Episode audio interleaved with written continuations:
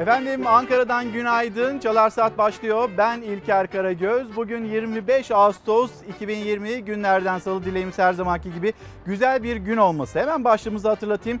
Tünelin ucu. Bu cümle Dünya Sağlık Örgütü'nden geldi ve bütün dünyaya da aslında umut aşıladı. Önümüzdeki günlerde işte aşı çalışmaları devam ediyor. Bu aşı çalışmaları nedeniyle atılan adımların da olumlu yönde seyrettiğini açıkladı Dünya Sağlık Örgütü ve tünelin sonunda ışık göründü dedi. Biz de bugünkü başlığımızı tünelin ucu olarak değerlendirdik ve sizlerle paylaşıyoruz. Tabii bunu koronavirüs gündemiyle bağlayacağız ama aynı zamanda ekonomi, ekonomide tünelin ucunda nasıl bir ışık gözüküyor ona bakacağız. Hem muhalefet cephesinden hem de aynı zamanda iktidar cephesinden nasıl gözüktüğüne birlikte bakmak istiyoruz. Türkiye'nin önemli konuları var, sıcak konuları var. Cumhurbaşkanı Erdoğan Bakanlar Kurulu toplantısından sonra dün kameraların karşısına geçti ve orada resti cümleleri vardı. Bir yandan Joe Biden Amerika Birleşik Devletleri'nde şu anda bir seçim maratonu yaşanıyor ve Trump'ın önünde gitmekte Joe Biden. 7 ay önce kurmuş olduğu cümlelere dair Cumhurbaşkanı Erdoğan ilk kez konuştu. Joe Biden'ı da hedef aldı, muhalefet de hedef aldı. Neler söyledi bakacağız. Bugün burada bir misafirimiz olacak siyaset cephesinden. Siyaset cephesi de yavaş yavaş ısınmaya başladı. Yavuz Ağar Alioğlu İyi Parti sözcüsü yine burada Fox ekranlarında olacak. Siyasete dair, ekonomiye dair sorularımız var kendisine yönelteceğiz. Ve yine dün gözler kabine toplantısındaydı ve Giresun, Giresun'daki sel felaketi, sel felaketinden sonra acaba orada yaraların sarılabilmesi adına ekonomik anlamda, vergisel düzenleme anlamında hangi adımlar atılabilirdi? Cumhurbaşkanı Erdoğan bu konuya da açıklık getirdi. İsterseniz bu haberimizde başlayalım. Kötü, berbat. Hiç bilmiyorum daha böyle olduydu bir kere daha geldi ama böyle olmadıydı. vatandaşlarımızı yükünü daha da hafifletmek amacıyla Giresun'daki vergi mükelleflerimizi 22 Ağustos 2020'den 30 Kasım 2020 tarihine kadar mücbir sebep hali kapsamına alıyoruz. Bu tarihler arasında verilmesi gereken beyanname ve bildirimlerin süresini 15 Aralık 2020'ye yine bu bildirimlere istinaden tahakkuk eden vergilerin ödeme süresini de 31 Aralık 2020'ye kadar uzatıyoruz. Cumhurbaşkanı Recep Tayyip Erdoğan, selle alt üst olan Giresun'daki vatandaşların yüreğini bir nebze ferahlatacak haberi verdi. Afet bölgesindeki vatandaşların vergi, ceza, geçici veya gecikme faizinin ödeme sürelerini 31 Aralık 2020'ye erteledi.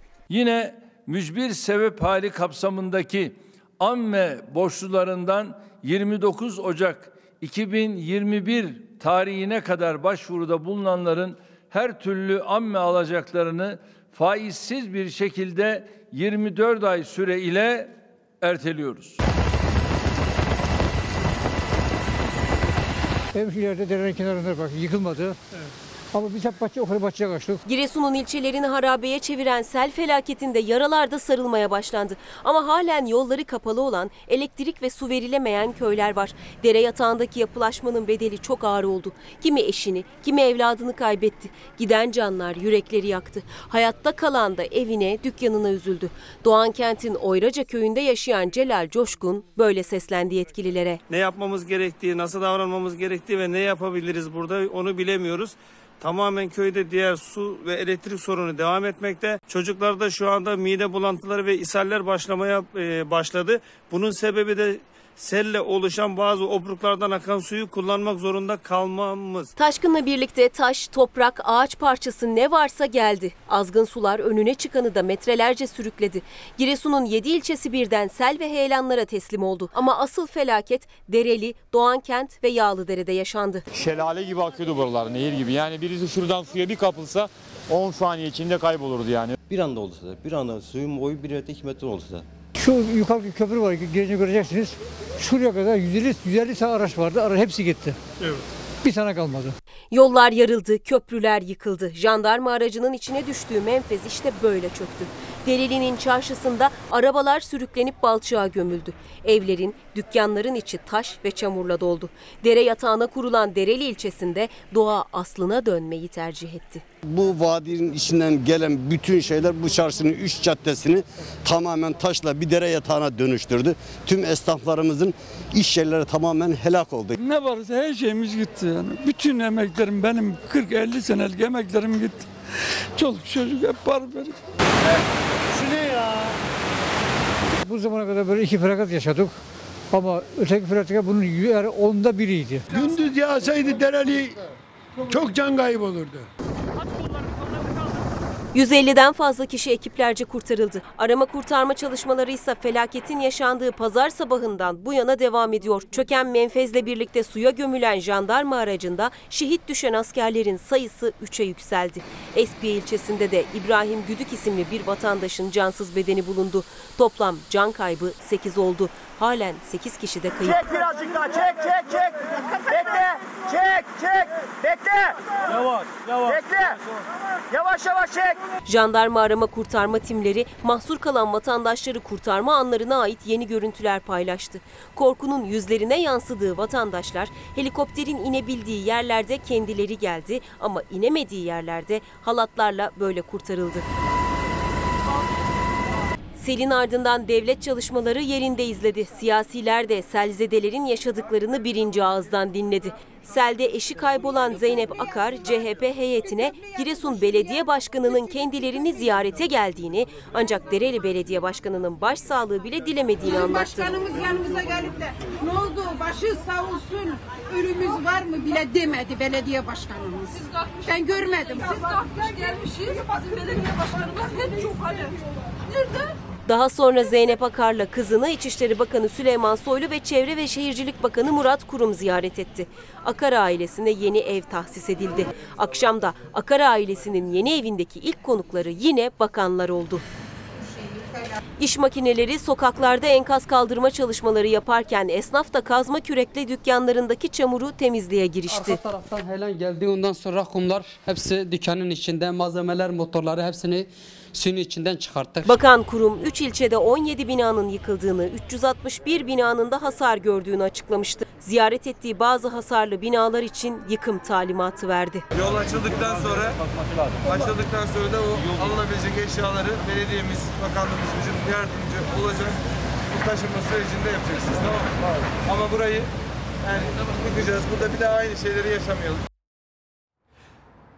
Giresun'da yaşanılan bir felaketti. Yaralar nasıl sarılacak? Devletin yetkilileri orada, bakanlar orada. 3 bakan gitmişti sel felaketinin ardından. Sonrasında Enerji ve Ulaştırma Bakanlarını da gönderdim dedi Cumhurbaşkanı Erdoğan. Şimdi orada bir yandan yaralar sarılırken diğer yandan da bu felaket neden yaşandı? Bunu da konuşmamız gerekiyor. Bugün gazetelere bakacağız. Gazeteler hani diyordu ya Tarım Bakanı ya da aynı zamanda Çevre ve Şehircilik eski bakanı Mehmet Özteseki yani orada sorumlu vatandaşmış gibi sanki e, oradaki imar, imarlaşma sanki gözlerinin önünde olmamış gibi yetkililerinin kurduğu cümlelere de itirazlar var. Bu konuya geleceğiz ama şu saat itibariyle bizlere günaydın diyenler var. Onlara da günaydınlarımızı iletelim. Mesela Sami Öz Rize'den yazıyor. Ankara'dan da misafiri gelmiş İsmail Karasakal. Şu anda ekran karşısındalarmış. Kadir Acarlar günaydın. Tünelin ucu başlığı altında konuşuyoruz sizlerle. Yani e, Adana'da trafik akarken yolcu minibüsleri yolcu indirip bindiriyorlar. E, bu bir tehlike arz ediyor trafik için.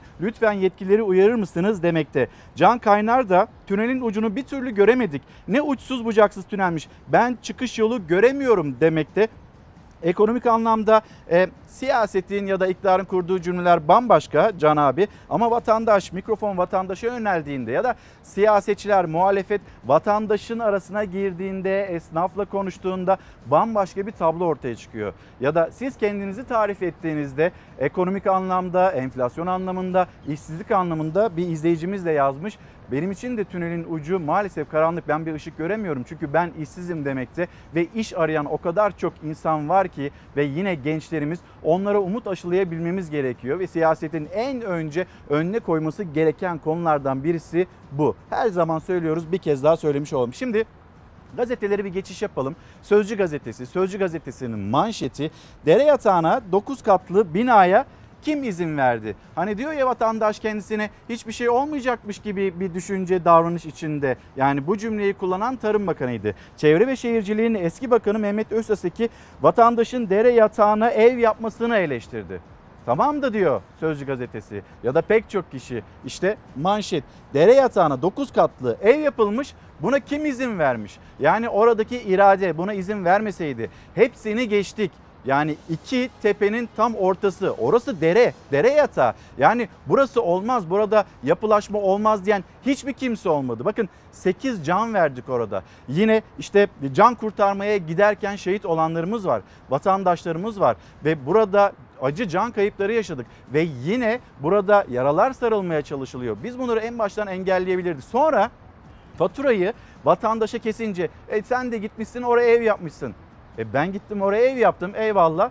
E sen izin verdin. Sen niye buna izin verdin? Aslında bütün tartışma buraya çıkıyor ve bunun gibi kaç tane böyle dere yatağında yerleşim yerimiz var. Bunları da konuşmamız gerekiyor. İktidar doğayı ve vatandaşı suçluyor ama dere yatağına 9 katlı binaya kim izin verdi? Giresun'daki selin bu kadar yıkıcı olmasının sebebi beton perdelerle ıslah edilen derelerin taşması ve kenarlarına yapılan binaları yıkıp geçmesi oldu. İşte fotoğrafı bakıyorsunuz ve görüyorsunuz. Bir gün gazetesine geçiş yapalım. Menfez uyarısını duyan olmadı. Giresun Tirebolu'daki selde çöken yola ilişkin verilen önerge işleme bile alınmamış. Menfeze ilişkin uyarıyı dikkate alan olmamış. Giresun'un sel felaketinde akıl almaz ihmal. 5'i jandarma 6 kişinin bulunduğu aracın sel sularına kapıldığı Tirebolu Doğankent yoluna ilişkin CHP'li il genel meclis üyelerinin bir önerge hazırladığı ortaya çıktı. CHP'li Yılmaz geçen yıl Temmuz ayında yaptığım sunumda şu an yıkılan menfez de vardı. Konu incelenmeli dedim. Önergeyi AKP'li Başkan Ahmet Şahin gündeme almadı. Gündeme bile almamış. Biz sonradan diyoruz ki işte vatandaş oraya ev yapsaydı. Bakın uyarılar var. Böyle yaparsak bunun sonucu bu olur diye. Uzmanların uyarıları var, ne bileyim siyaset, siyasetçilerin uyarıları var. Yapmayalım denildikçe ortaya bu tablo çıkıyor. Cumhurbaşkanı Erdoğan memleketi Rize Güneysu ve oraya her gittiğinde şu cümleyi duyuyorduk biz Cumhurbaşkanı'ndan. Buranın e, yapısına ya da işte doğasına uygun bir yapılaşma olması gerekliliğini sürekli söylüyordu Cumhurbaşkanı Erdoğan. Dün yine kurduğu cümlelere bakacak olursak Cumhurbaşkanı'nın yaşadığımız coğrafyanın gerçeklerini yeteri kadar dikkate almayan bir yapılaşma ortaya çıkmıştır. İşte buna itiraz ediyor siyaset. Buna o zaman da itiraz etmişti Cumhurbaşkanı. Bakanlar Kurulu toplantısından sonra da itiraz etti. Ama gelin görün ki karşımıza çıkan tablo bu. Denizin dibine yapılmış koca koca binalar. E bunlara kim izin verdi? Bir yandan doğruyu söyleyip diğer yandan da yanlışı yaptığımız sürece biz nasıl bir yol alabiliriz? Bu sorular herkesin aklında. Bir gün gazetesindeki manşete baktık. Bir de Hürriyet gazetesine bakmak istiyorum. Yani orada şehitlerimiz var, can kayıpları var. Biz bir gündemi bu kadar önemli, bu kadar kıymetli bir gündemi ne çabuk geride bıraktık, ne çabuk sayfayı çevirdik dedirten bir tablo aslında. Hürriyet gazetesinin ilk sayfasına bakıyorum. Şehitlerimiz mutlaka iç sayfada vardır ama bu konunun ilk sayfada olması gerekiyor. Türkiye'nin öncelikli olarak konuşması, görmesi gereken konular arasında. Ama biz gündemi Türkiye'de o kadar hızlı bir şekilde çeviriyoruz ki, sayfaları o kadar hızlı bir şekilde çeviriyoruz ki işte burada Giresun'daki sel felaketiyle ilgili bir haberi maalesef görmüyoruz. Tamam gazetenin içinde var ama burada da olmalı. Çünkü bir gazeteyi satacak olan, sattıracak olan manşeti, ilk sayfası, gelecek okuyucu ona bakacak. Kendine dair bir haber var mı yok mu bunu görecek. Ama bakıyorsunuz Türkiye'de bir felaket yaşanmış. Türkiye bunu konuşuyor. Hürriyet gazetesinde bunu görmüyorsunuz. Ama bizim şehitlerimiz var, cenazelerimiz var. La ilahe illallah. Merhum şehidimizin ruhu için, cümle şühedamızın ruhu için, ahirete irtihal etmiş cümle ehli imanın ruhu ve Allah rızası için. El Fatiha. Can kurtarmaya giderken şehit oldular. Halen de iki silah arkadaşları kayıp. Giresun'daki sel felaketinde şehit düşen uzman çavuşlardan Onur Kıran Çanakkale'de, Erdem Çıtır da Ordu'da son yolculuklarına uğurlandı. Jandarma aracı pazar günü Giresun'da şiddetli yağış sonrası selde kayıp ihbarı için Eymür köyüne doğru yola çıktı. Trebolu Doğan kent yolunun 12. kilometresinde menfez çöktü. Askeri araç sulara gömüldü. 5 askerle iş makinesi operatörü de sele kapıldı. Şu ana dek yapılan aramalarda kaybolan askerlerden 3'ünün cansız bedenlerine ulaşıldı. Sel felaketinde 5 vatandaş da hayatını kaybetti.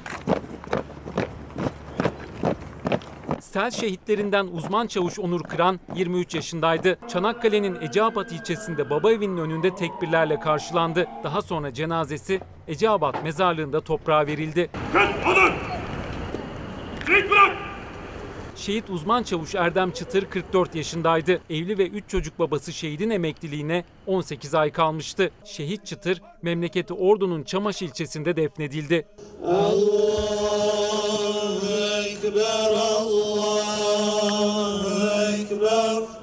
Cansız bedeni bugün bulunan şehit uzman çavuş Burak Tok da nüfusta Gümüşhane'nin Köse ilçesine kayıtlıydı. Bir ay önce Giresun'a tayin edilmişti. Evli ve bir çocuk babasıydı. Eşi ikinci çocuklarına hamileydi. Dikkat sağ bak. Selde hayatını kaybeden sivil vatandaşlardan üçü ise Giresun'un köylerinde toprağa verildi. Milli Gazete ile devam ediyoruz. Sellerin nedeni beton zihniyeti. Son dönemlerde Karadeniz bölgesinde yaşanan şiddetli yağış ve sellerin sayısındaki artış beraberinde neden sorusunu da getirdi. Samsun 19 Mayıs Üniversitesi Ziraat Fakültesi öğretim üyesi Profesör Doktor Yusuf Demir son günlerde yaşanan sel felaketleri bir kez daha göstermiştir ki küresel iklim değişiklikleri ve Karadeniz bölgesinde doğaya yapılan bilinçsiz ve kontrolsüz müdahaleler bu olaylarda etkili olmaktadır. Açıklamasında bulunurken kontrolsüz yapılan HES'lere, dere ataklarında yapılan yetersiz ve yanlış ıslah çalışmalarına da betonlaşmaya da dikkat çekiyor. İşte bugün bu felaketi yaşıyorsak bunun sebebi bir betonlaşma zihniyetidir demekte Sayın Profesör. Ve Cumhuriyet Gazetesi, Cumhuriyet Gazetesi'nin manşetine geleceğiz ama iktidar suçluyu buldu. Kimdi suçlu? Toprak. Giresun'daki selde ölenlerin sayısı 8'e yükseldi. Kayıp 8 kişiyi arama çalışmaları sürüyor. Afette şehit düşen iki jandarma toprağa verildi. Bölgeye giden CHP Genel Başkan Yardımcısı Seyit Torun çarpık şehirleşmenin sonuçlarını yaşıyoruz dedi. AKP Genel Başkan Yardımcısı Nurettin Canikli ise afetin yapılaşmadan değil suya doyan toprağın kayganlaşmasından ve bölgenin coğrafi yapısından kaynaklandığını söyledi. Yani bizimle alakası yok, imarla bir alakası yok. Heyelan oldu. Heyelan olunca da bu tür afetlerin sonrasında maalesef can kayıpları yaşanıyor dedi. Yani diyor ki Cumhuriyet Gazetesi de e, iktidar suçluyu buldu. Buradaki suçlu toprak. Ve diyor ki yine siyasetçiler hatırlatmadan geçmeyelim bir kez daha. Belki televizyonlarını yeni açmış olan izleyicilerimiz vardır. Ne diyor siyasetçiler? Ne diyor Tarım Bakanı? Ne diyor ee, Çevre ve Şehircilik eski bakanı? İşte vatandaşlarımız böyle dere yataklarına ev yapmaktan vazgeçsinler. Bir bakmak lazım o dere yataklarına. Şöyle bir son 20 yıl içinde acaba kaç tane kamu binası yapıldı? Kaç tane okul yapıldı? Kaç tane böyle devlete ait kurumlar inşa edildi? Onları da mı vatandaş yaptı diye bu soruyu da belki de burada yerli yerine koymak gerekmekte. Şimdi bir de bu konunun siyasetteki tartışması var. İsterseniz ona da bir geçiş yapmış olalım. Muhalefet ne söylüyor? Ee, iktidar cephesi buradaki sel felaketinden sonra savunma cümleleri ya da kendilerine yönelmiş olan salvoları nasıl savuşturuyor? Ülkemizin pek çok yeri gibi Karadeniz'de de geçmişte şartların zorlamasıyla yaşadığımız coğrafyanın gerçeklerini yeteri kadar dikkate almayan bir yapılaşma ortaya çıkmıştı. Karadeniz tarafında o kadar çok derelerin içerisine bina yapılmaması gereken yerlere 10 yıllardır yapılan binalar var ki işte onları siz göz ardı ederseniz yarın bir günde ağlamakla karşı karşıya gelirsiniz. Giresun'da yaşanan sel felaketinin ardından AK Parti Genel Başkan Yardımcısı Mehmet Özhaseki'nin muhalefetin tepkisini çeken cümlesinin ardından Cumhurbaşkanı Recep Tayyip Erdoğan da açıklama yaptı. Kabine toplantısının ardından yaptığı açıklamada çarpık yapılaşmaya değindi. Önceliğimiz afetler dedi. İrademizi ve gücümüzü aşan deprem, sel, heyelan gibi afetler bizi önceliklerimizi değiştirmeye mecbur bırakmıştır. İnşallah hep birlikte bizden sonraki nesillere her bakımdan daha güvenli ve yaşanabilir bir Türkiye bırakacağız. Tarım Bakanı'nın dere yataklarına ev yapmaktan kaçınmamız gerekiyor sözlerinden sonra AK Parti Genel Başkan Yardımcısı Mehmet Özhaseki'nin dere yataklarına yapılan evlere dikkat çekip tabiat intikamını alıyor demesi muhalefetin tepkisine yol açmıştı. ÖSASEK'i kim? Çevre ve Şehircilik eski bakanı. Şimdi buralara bu dere yataklarına bu binalar yapılırken ÖSASEK'i neredeymiş? Bunun yapılaşmayla alakası yok. Yağmur yağdığı zaman toprak kayıyor. Önüne ne katarsa götürüyor. Utanmasalar yağmur suçlu oldu diyecekler. Yani bu kadar yağmura biz ne yapalım Allah'tan geldi diyerek devlet yönetilmez. Kullanacaklar aklı milleti ikna etmek için değil milleti yaşatmak için kullansınlar. Dere yataklarına verilen imar izinleri sık sık çıkarılan imar aflarıyla geldi tepkiler. Bu yapılan evlere izni kim verdi? Defalarca imar affı yaparken bu dere içindeki binalar görülmedi mi? Vatandaşı suçlamak işi hafife almaktır. Bu tercihi vatandaş yapıyor ama vatandaşa konutu yapacağı arazi önerilemiyor. Bu sefer vatandaş sınırları zorluyor. Dere yataklarına, zemini sağlam olmayan yerlere doğru bunu genişletmek zorunda kalıyor. O büyük ihmalin sorumluları şimdi kalkmışlar vatandaşı suçluyorlar. Ayıptır. Tabiat tahrip ettikçe tabiatın dengesi bozuluyor. Tabiat da dönüyor insanoğlundan intikam alıyor. Çok net. Özsaseki vatandaşın dere yataklarına ev yapmasını eleştirirken, Türkiye Mimar Mühendis Odaları Birliği sorunun devlet ayağına ilişkin çarpıcı bir tespiti ortaya koydu.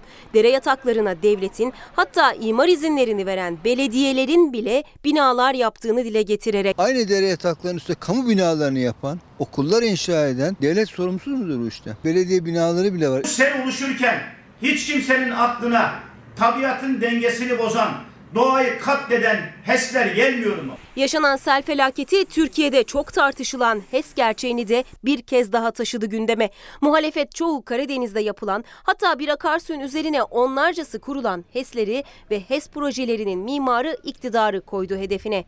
Türkiye Mimar Mühendis Odaları Birliği de HES dosyasını açtı. Giresun'da 30'un üstünde HES olduğu tespiti var ve ancak bunların Türkiye elektrik üretimi içindeki payı son derece marjinal. Karadeniz'de iklimi HES'ler bozmuştur. Sorumlu aranıyorsa ilk sorumlu HES'ler ve HES'lere izin vermektir. Bir dere yatağında 35-40 tane HES yapmak tabiata da saygısızlıktır. Kamu kaynaklarının israf edilmesi demektir. HES'lere 7.2 sent alım garantisi tanıdınız. Şirketlere ödemeler dolar cinsinden yapılıyor. Daha ucuza elektrik üretebilecek olan kamu tesisleri dururken, durdurulurken alım garantisi tanınmış olan özel ve güzel sektörümüze ait şirketlerin tesislerinden elektrik alınıyor. İyi Parti sözcüsü Yavuz Ağar Alioğlu'nun getirdiği eleştiri utanmasalar yağmuru suçlayacaklar şeklinde. Birazdan kendisini burada ağırlayacağız. Siyasette önemli gelişmeler var, konular var. Bunlara da bir geçiş yapacağız. Bize günaydın yani izleyicilerimiz var. Bizler de kendilerine günaydınlarımızı iletelim. Nevin Hanım, tünelin ucu başlığımız bir kez daha hatırlatmış olayım. Karagöz İlker Twitter adresim, İlker Karagöz Fox Instagram adresim. Bu adreslerden bizlere ulaşabilirsiniz. Tünelin ucu başlığı altında sizin hayatınız nasıl şekilleniyor? Ekonomik anlamda siz tünelin ucunu nasıl görüyorsunuz? Dünya Sağlık Örgütü'nün yapmış olduğu açıklama tünelin ucunda ışık göründü. Aşı çalışmaları olumlu sonuçlar da vermeye başladı. Biz önümüzdeki yıllarda belki 21 2021 yılında tam da böyle bu zamanlarda bu pandemiyi yenmiş olabiliriz. Bu bütün dünyaya umut aşılayan bir haber idi. Nevin Hanım da diyor ki yani öyle bir tünele girdik ki her şey karma karışık. Neresinden söz edelim? Paylaştığı mesaj bu şekilde. E, Mahmut Nejat Yavuz Antalya'dan bizlere günaydın diyor. Selamlarını iletiyor. Bizler de Antalya'ya günaydın diyelim.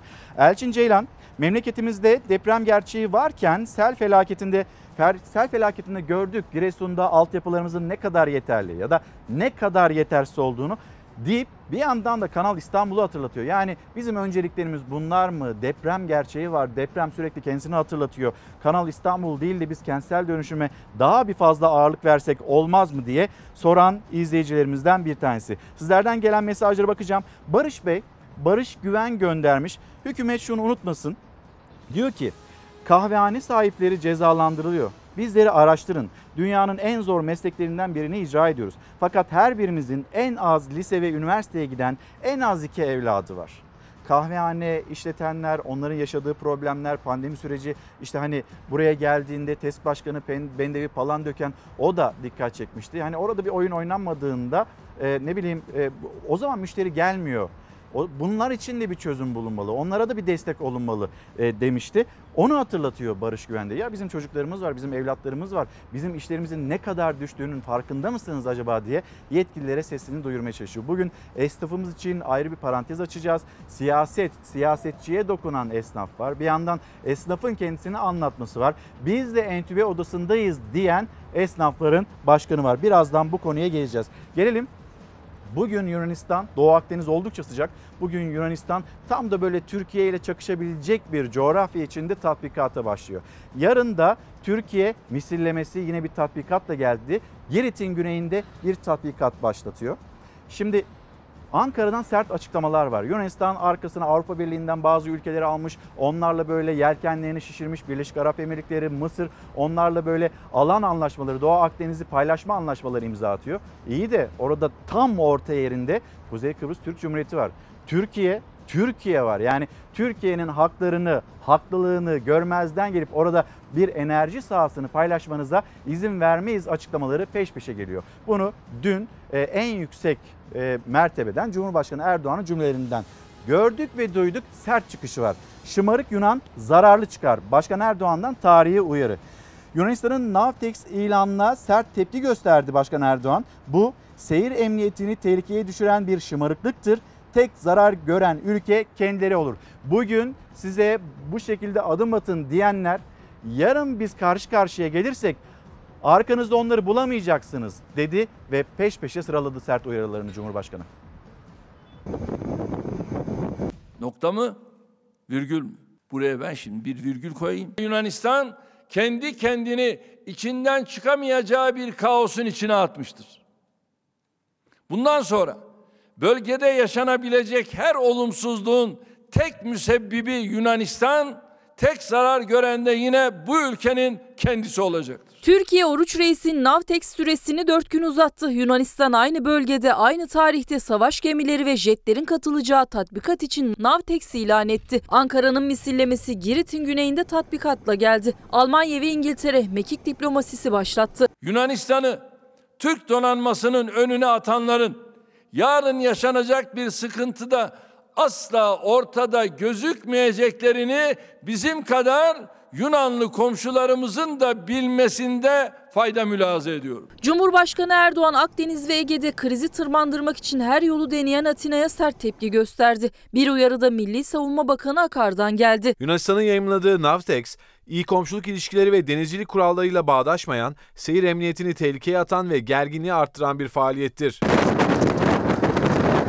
Türkiye Yunanistan arasında yükselen tansiyon Almanya'nın devreye girmesiyle düşmüştü. Ancak Atina arkadan iş çevirdi. Mısır yönetimiyle deniz yetki alanlarının sınırlandırılması anlaşması imzaladı. Türkiye bu adıma bölgede 23 Ağustos'a kadar Navtex ilan ederek yanıt verdi. Sismik araştırma gemisi Oruç Reis'i savaş gemileri refakatinde bölgeye gönderdi. Enerji kaynakları araştırması başlattı. Araştırma için belirlenen süre dün biterken Türkiye Doğu Akdeniz'de haklarından taviz vermemekteki kararlılığını bir kez daha gösterdi. Doğu Akdeniz'de hidrokarbon arayan Oruç Reis için yeni Navtex ilan etti. Çalışma süresi 27 Ağustos'a kadar uzatıldı.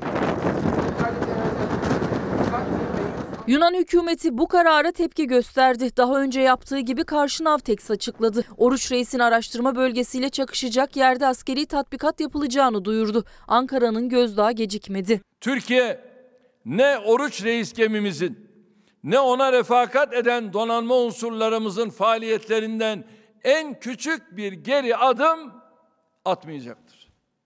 Tam tersine bu bölgede hakkını ve hukukunu koruma konusunda çok daha kararlı hareket edecektir. Bundan sonrasını düşünecek ve ortaya çıkacak sonuçlara katlanacaklar Navtex ilan ettiğimiz bölgede karşımıza çıkacak olanlardır. Yunanistan'ın tatbikatı bu sabah başlayacak. Yunan medyası savaş gemileri ve uçakların katılımıyla gerçekleştirilecek tatbikata Amerika Birleşik Devletleri'nden iki gemi, Birleşik Arap Emirlikleri'nin de 4 F-16 ile dahil olacağını belirtti. Türkiye'nin Girit'in güneyindeki tatbikatı ise yarın. Akdeniz'de sular sıcak.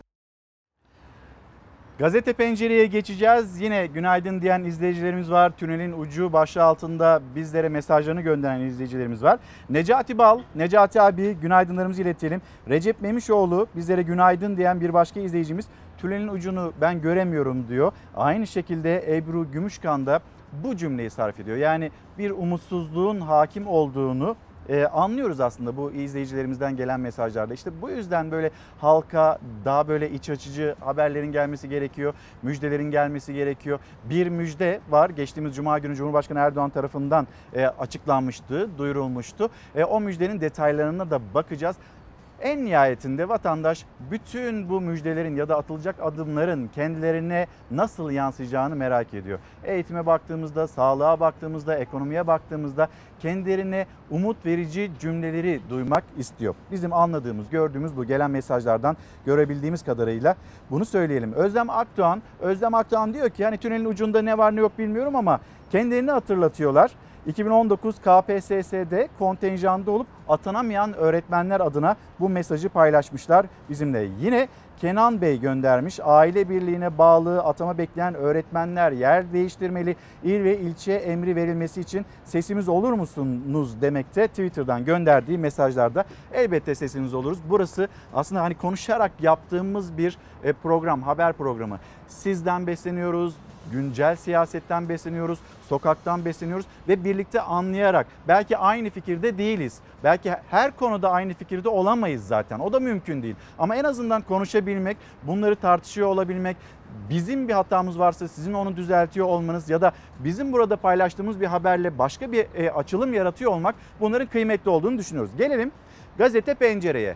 Gazete pencerenin sür manşeti bu bakışla sel de bitmez, felaket de bitmez. Giresun'daki faciaya dere yataklarına yapılan konutların ve doğaya yapılan müdahalelerin neden olduğu hükümet yetkilileri tarafından da doğrulanırken AK Partili Nurettin Canikli suçu toprağa attı. Canikli yağmur yağdığı zaman toprak su gibi akıyor önüne ne katarsa götürüyor. Yaşadığımız bu afetin yapılaşmayla alakası yok. Zaten ne alakası var yapılaşmayla? Öyle biz dere yatağına e, ev yaptık diye dere geldi. Orada sokakları, caddeleri balçığa buladı. Orada vatandaşlar bunun sorumlusu, suçlusu işte yağmura geliyor. Ya da bunun sorumlusu, suçlusu heyelan toprağa geliyor. Bölgenin coğrafi şartları deniliyor çok basit bir şekilde. Bölgenin coğrafi şartlarına uygun bina yapıyor musunuz sorusu hemen bir şekilde üstten aşırılıyor ve işte burada suçlanan yer ya da suçlanan yağmur ve topraktan başkası değil. Gelelim manşete. Covid liderlerin kimyasını bozdu. Korona sürecini idare edemediği için eleştirilen iki liderden Brezilya Devlet Başkanı Bolsonaro gazeteci pislik dedi tehdit etti. Trump ise korona için içi boş müjde verdi. Trump şu anda Biden önünde ilerlediği için Amerika Birleşik Devletleri'nde bir kurtarıcı olmaya çalışıyor. O kurtarıcı olabilmek için de bir aşı işte Oxford Üniversitesi, İngiltere, Almanya bütün o enstitülere, laboratuvarlara başvuruyor ve hemen ülkesine o aşıyı bir şekilde hızlı bir şekilde yetiştirip sonrasında da Kasım seçimlerine bir kahraman gibi girmek istiyor. Covid liderlerin kimyasını bozdu da yine gazete pencerenin manşeti. Gelelim yine çarpıcı bir olay. Bir magandalıktı. Sonra savunmasını duyduğunuzda, ifadesini duyduğunuzda pes diyeceksiniz. Yani bu kadarına da pes diyeceksiniz. Çakallı, Çakarlı Maganda tutuklandı. Polis süsü verdiği çakarlı aracıyla trafikte önünü kestiği sürücüyü bıçaklayıp kaçtıktan sonra iki gün sonra yakalanan Muhammed Enes Uysal çıkarıldığı mahkemece tutuklandı. 20 yaşındaki saldırganın tartıştığı sürücüyü bıçaklarken polise versen ne olacak dediği video tepkilerine neden olmuştu. Bu video tepkileri neden olmuştu. İki gün sonra kaçtı, kaçmaya çalıştı. İki gün sonra da yakalandı, tutuklandı. Şu anda araç önümü kesti. Polisim diye bakın. Polisim araçta çakar takılı. Araçta çakar takılı polisim dedi. Lan polise versen. Polisim dedi. Polisim dedi önünde araçtan çekti. sen ne ayak Çek yapıyorsun? Sen seni ben burada öldüreyim mi sen ne istiyorsun? Bıçakladı. Çakarlı aracıyla yol kesen, polisim diye tehditler savuran, bıçaklayan şehir eşkıyası kaçmaya çalıştı ama yakalandı. Çıkarıldığı mahkemede de tutuklandı. Araçta çakar var diye önümü kesti polis. Bakın polisim diye önümü Baktım. Beni bıçaklıyor. İstanbul'un şehrin göbeğindeyim. Polisim diye magandalık yaptılar. İstanbul Hadımköy'de Çakarlı lüks aracıyla bir kamyonetin önünü kesmişti Muhammed Enes Uyar. Karşılaştığı bu manzaraya isyan eden ve o anları kaydeden sürücü dadaş arası belindeki silahı gösterip tehdit etti. Kayıttan çıkar çıkmaz da dediğini yaptı ve yasa dışı iş yaptığını söyleyen sürücüyü beş yerinden bıçakladı. Seni ben burada öldüreyim mi sen ne istiyorsun? Bak bak bak araçta, araçta çakar var diye önümü kesti. O dehşeti an be an anlatan görüntüler üzerine tepkiler çığ gibi büyüdü. Bir tekstil patronunun oğlu olduğu tespit edilen Muhammed Enes Uyar kaçmaya çalıştı. Hatta plakası açıkça görülen aracını satılığa da çıkardı. Sen onu assan da olur. Tamam canlı yayındayız oğlum Hayır sen dur. onu assan da öyle. Çek elini. Polisin her yerde aradığı saldırgan sonunda avcılarda yakalandı. Hakim karşısına çıkan Uyar, ben bıçaklamadım, boğuşma sırasında bir yerleri kesildi diyerek suçlamayı reddetti. Çakarlı şehir eşkıyası tutuklanarak cezaevine gönderildi. Seni ben burada öldüreyim mi sen ne istiyorsun? Yeni Çağ Gazetesi ile devam edelim. Yeni Çağ Gazetesi'nin manşeti Doğu Akdeniz'de tatbikat savaşı detaylarını paylaştık. Seçtiğimiz diğer haber ise eczaneler aşıya yetişemiyor. Vatandaş sonbaharı beklemeden zatüre ve grip aşısı için sıraya girince sıkıntı çıktı. Aslında uzmanlar burada e, misafir ettiğimiz uzmanlar çok uzun süreden beri bu grip aşılarının, zatüre aşılarının tedarik edilmesi gerekliliğini söylüyorlardı. İşte gün yavaş yavaş yaklaşıyor ve böyle bir ihtiyaç var. Yani grip aşısına ihtiyaç var. Aynı zamanda zatüre e, aşısına ihtiyaç var. Bununla ilgili vatandaş kendisini korumaya almak istiyor. Ama eczanelerin aşıya yetişemediği bilgisini paylaşıyor Yeni Çağ. Aynı zamanda eczacı olan CHP'li Burhanettin Bulut koronavirüsten enfekte olan kişi sayısının her geçen gün arttığını belirterek özellikle kronik hastalığı olanların bu aşıları yaptırmakta güçlük çekeceğini bildirmekte. Bu bilgiyi paylaşmakta. Bir an önce bu aşıların tedarik edilmesi gerekliliğini e, bu kez de kendisi eczacı olan CHP'li Burhanettin Bulut dillendirmekte. Şimdi önümüzde hani okulların açılması, okulların açılmasını konuşuyoruz. 31 e, Ağustos tarihi itibariyle yani önümüzdeki pazartesiden itibaren uzaktan eğitim başlayacak. Anaokulları zaten onlar eğitimleri bir aksilik ya da bir değişiklik olmazsa onlar eğitime başlayacaklar. Sonra çocuklarımız 21 Eylül'de okullara gidecekler. Tam da bu dönem hani virüsün e, o grip virüsünün yaygın olduğu dönem. Burada bir endişe olmasın diye bir an önce herkesin de grip aşısı yaptırması gerekliliğini bir kez daha uzmanlar hatırlatıyor. Bizler de sizlere duyurmuş olalım. Gelelim Türkiye'nin koronavirüs tablosuna. Biz sürekli hani vaka sayısının iyileşen hasta sayısının üzerinde olduğunu görüyorduk, gözlemliyorduk. Şimdi vaka sayısının iyileşen hasta sayısının iki, iki katı olduğunu görüyoruz. Şimdi bu sayılara, bu turkuaz tabloya inananlar var, inanmayanlar var, temkinli yaklaşanlar var. Biz Sağlık Bakanı Fahrettin Koca'nın cümlelerine bakalım. Bugün yapılan yaklaşık 96 bin test sonucu 1443 yeni hasta tespit edildi. Ağır hasta sayımız 800 civarında. Bakın ağır hasta sayısı yavaş yavaş artmakta. Entübe, yoğun bakım biz bunu görmüyoruz ama bu tabloda ağır hasta sayısının da gün gün arttığını görüyoruz. Türk Tabipler Birliği'nin yaptığı açıklamada siz o tabloyu nasıl veriyorsunuz? Sadece bir ilde, sadece Ankara'da bine yakın vaka var. Bunun çok daha üzerinde vaka var.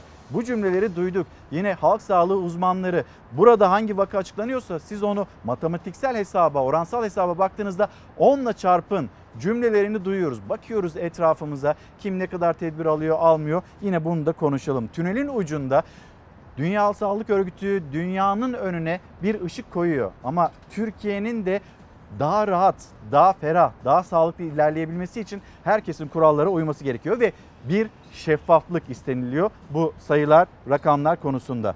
Sağlık çalışanlarımız var gücüyle hastalarımızı iyileştirmeye çalışıyor. Burada bir moral vermek istemiş Sağlık Bakanı ama sağlık çalışanlarının ne kadar tükendiğini, ne kadar yorulduğunu ah bir dokunun onlara onlardan bin ah iştin hasta sayımızı düşürecek olan tedbirlerdir. Sonunda yenilen virüs olacaktır demekte. Sağlık Bakanı mesajları bu şekilde ve 1443 dün e, açıklanan sayıya göre 1443 yeni vaka var. Evet, size kısmet oldu. Evet.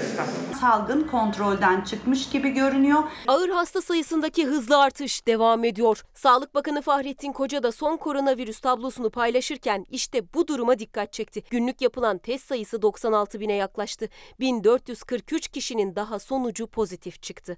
Bu son iki ayın en yüksek yeni vaka sayısı oldu. 18 kişi ise hayatını kaybetti. Salgının seyri hakkında önemli bir ipucu veren iyileşen hasta sayısı yeni hasta sayısının altında. Kurallara uyulmaması her geçen gün vaka sayılarında artış yaşanmasına neden oluyor. Ben bugün kendi merkezimde yaptığım test pozitiflik oranlarını kontrol ediyorum. Öğlene kadar yaptığımız 100 testten 30'u pozitif. Bu çok kötü bir rakam gerçekten. Bizim e, merkezlerimiz dolu şu anda. Yoğun bakımlarla ilgili sıkıntı çekebileceğimizi öngörüyoruz. En azından ben Ankara'dan bunu düşünüyor ve söylüyorum. Kabine toplantısının da ana gündem başlıklarından biriydi salgın. Yeniden 1500 sınırına dayanan günlük vaka sayıları değerlendirildi. Alınacak yeni tedbirler de vardı masada. Özel okulların belli sınıfları okula getirme talepleri ele alındı. Düğün, cenaze, asker uğurlama gibi toplu etkinliklerde denetimlerin sıkılaştırılması gündeme geldi. Bugün itibariyle şunu söyleyebilirim. En çok pozitifleşme verisiyle gelen vakalar düğünler, cenaze nedeniyle toplu, kalabalık, e, kapalı yerlerde yemek yemeler arasından oluyor. Bunları bir an önce durdurmalıyız. Tedbirlerin artırılmasına neden olansa işte bu görüntüler. Vaka sayılarında en fazla artışın yaşandığı illerin başında gelen Diyarbakır'da onlarca kişi kuralları hiçe saydı.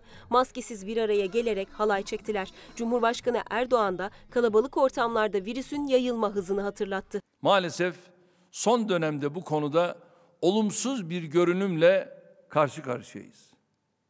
Düğün, cenaze, taziye ve tatil gibi toplu etkinlikler virüsün yayılma alanları haline dönüştü.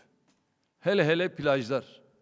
Buralar ayrı bir felaket. Aynı manzara Kahramanmaraş Afşin'de de vardı. Geçtiğimiz günlerde 3 ayrı düğünde benzer görüntülerin kaydedildiği Bursa'daysa düğünlere katılan 42 kişinin koronavirüs test sonucu pozitif çıktı.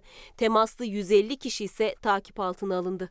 Bakınız ben çok çok sevdiklerimin dahi düğünlerine bu sürede gitmedim, gitmiyorum. Bodrum Göltürkbükü'nde ünlü bir işletmede çıkan bu kavganın nedeni ise maske ve mesafe. İddiaya göre sahilde oturan iki kişi maske ve mesafe kuralına uymayınca bir başka müşteri tarafından uyarıldı. Çıkan tartışma yumruklu kavgaya dönüştü.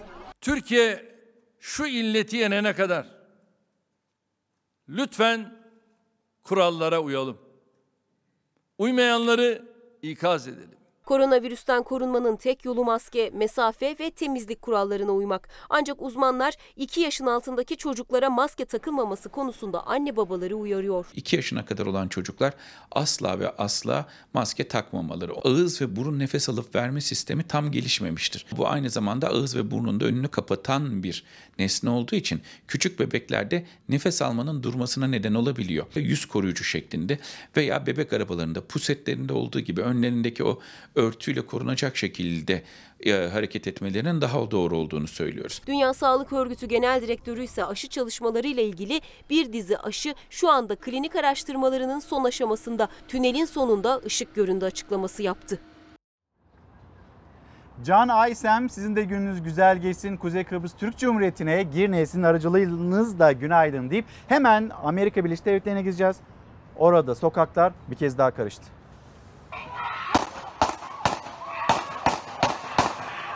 Polis siyahi adamı sırtından 7 kurşunla vurdu. Amerika'da sokaklar karıştı. Amerika'da polis şiddetin son adresi Wisconsin eyaletine bağlı Kenosha kenti oldu. İhbar üzerine olay yerine giden polisler Jacob Blake isimli gençle tartışmaya başladı. 29 yaşındaki Blake arkasını dönüp aracına yöneldi. Peşinden giden polis araca eğilen siyahi gencin arkasından 7 el ateş açtı. Ağır yaralanan Blake hastaneye kaldırıldı. Olay yerinde toplananlar polise tepki gösterdi. Havanın kararmasıyla gerginlik isyana dönüştü. Göstericiler polisle çatıştı, çöp kamyonları ateşe verildi. Olayların büyümesinin ardından kentte sokağa çıkma yasağı ilan edildi. Blake'in sağlık durumunun ciddiyetini koruduğu açıklanırken polisler hakkında soruşturma başlatıldı. Samsun Günaydın Muammer Yıldız yazmış. Samsun 19 Mayıs Üniversitesi Tıp Fakültesi'nde personele eldiven verilmiyor. Dünyaya gönderiyoruz tırlar dolusu. Biz nasıl oluyor da personelimize bu eldivenleri gönderemiyoruz? Vakalar artmaya devam ederken KPSS'ye girecek kendi ya da ailesinde kronik hastalığı içinde bulunanlar var. Onlar için de bir adım atılması gerekiyor. Biz tedirginiz. Acaba KPSS'nin ertelenmesi söz konusu olamaz mı demekte. Fersen Kurt Adana günaydın. Birazdan Adana'ya da götüreceğiz sizleri çünkü orada Kozan'da yangın halen devam ediyor. Her şeyi serbest et. Ondan sonra tünelin ucunu gör bakalım nasıl göreceksin diye eleştirel bir mesajını paylaşıyor. Şimdi reklamlara gideceğiz. Reklamların dönüşünde misafirimiz olacak. İyi Parti sözcüsü Yavuz Ağar Alioğlu burada olacak. Siyaseti değerlendireceğiz, ekonomiyi değerlendireceğiz. Bir mola hızlıca döneceğiz. Efendim bir kez daha günaydın. Çalar Saat devam ediyor. Bir mesaj var. Konuğumuz da geldi. Hemen kendisine döneceğim. Hatice Hanım göndermiş. Diyor ki İlker Bey günaydın. Sizden ricam kronik hastalığı olan sağlık çalışanlarına idare izin verilmesini hatırlatır mısınız? Bizim bu konuda bir problemimiz olabilir. Önümüzdeki günlerde vaka sayıları artıyor ve endişeleniyoruz. Lütfen bunu yetkililere iletin demekte. Efendim misafirimiz İyi Parti sözcüsü Yavuz Ağar Alioğlu. Günaydın, Günaydın, hoş geldiniz. iyi yayınlar dilerim. Siyaset yeniden ısındı. Özellikle Cumhurbaşkanı Erdoğan'ın dün kabine toplantısından sonra yapmış olduğu açıklamalardan sonra Evet. şimdi Joe Biden 7 ay önce kurulmuş cümleler ve işte e, muhalefetin Erdoğan'ın gitmesi, muhalefetin Erdoğan'ı götürmesi gerekiyor. Bu bir darbe değil, bu bir seçimde olmalı demişti ama 7 ay önce söylemişti. Sonrasında siz bunu biliyor muydunuz dediniz muhalefet olarak. Onlar size e, siz duyduysanız niye ses çıkartmadınız demişti. Cumhurbaşkanı Erdoğan bu konuyla ilgili ilk kez konuştu. Önce bir neler söyledi? Muhalefete Bakalım. yandan Joe Biden'a yüklendi. Diğer yandan muhalefete yüklendi. Cümlelerinin satır arasından acaba tünelin ucu bugünkü başlığımız bir seçim çıkar mı? Tünelin ucunda bir seçime gider mi Türkiye? Bunları hep birlikte bir bakalım. Yavuz Ağar Alioğlu'yla da yorumlayacağız. making it clear that we support opposition leadership. Türkiye'de darbe ile yapamadıklarını muhalefeti destekleyerek gerçekleştirmeyi düşündüklerini kameralar önünde söylemekten de çekinmiyorlar. Ya dostluğumuz var be. Oturup konuşmuşluğumuz var ya. En azından bir oturup çay içmişliğimiz var ya. Böyle bir ifadeyi bizim için nasıl kullanırsın? Ama kullandılar.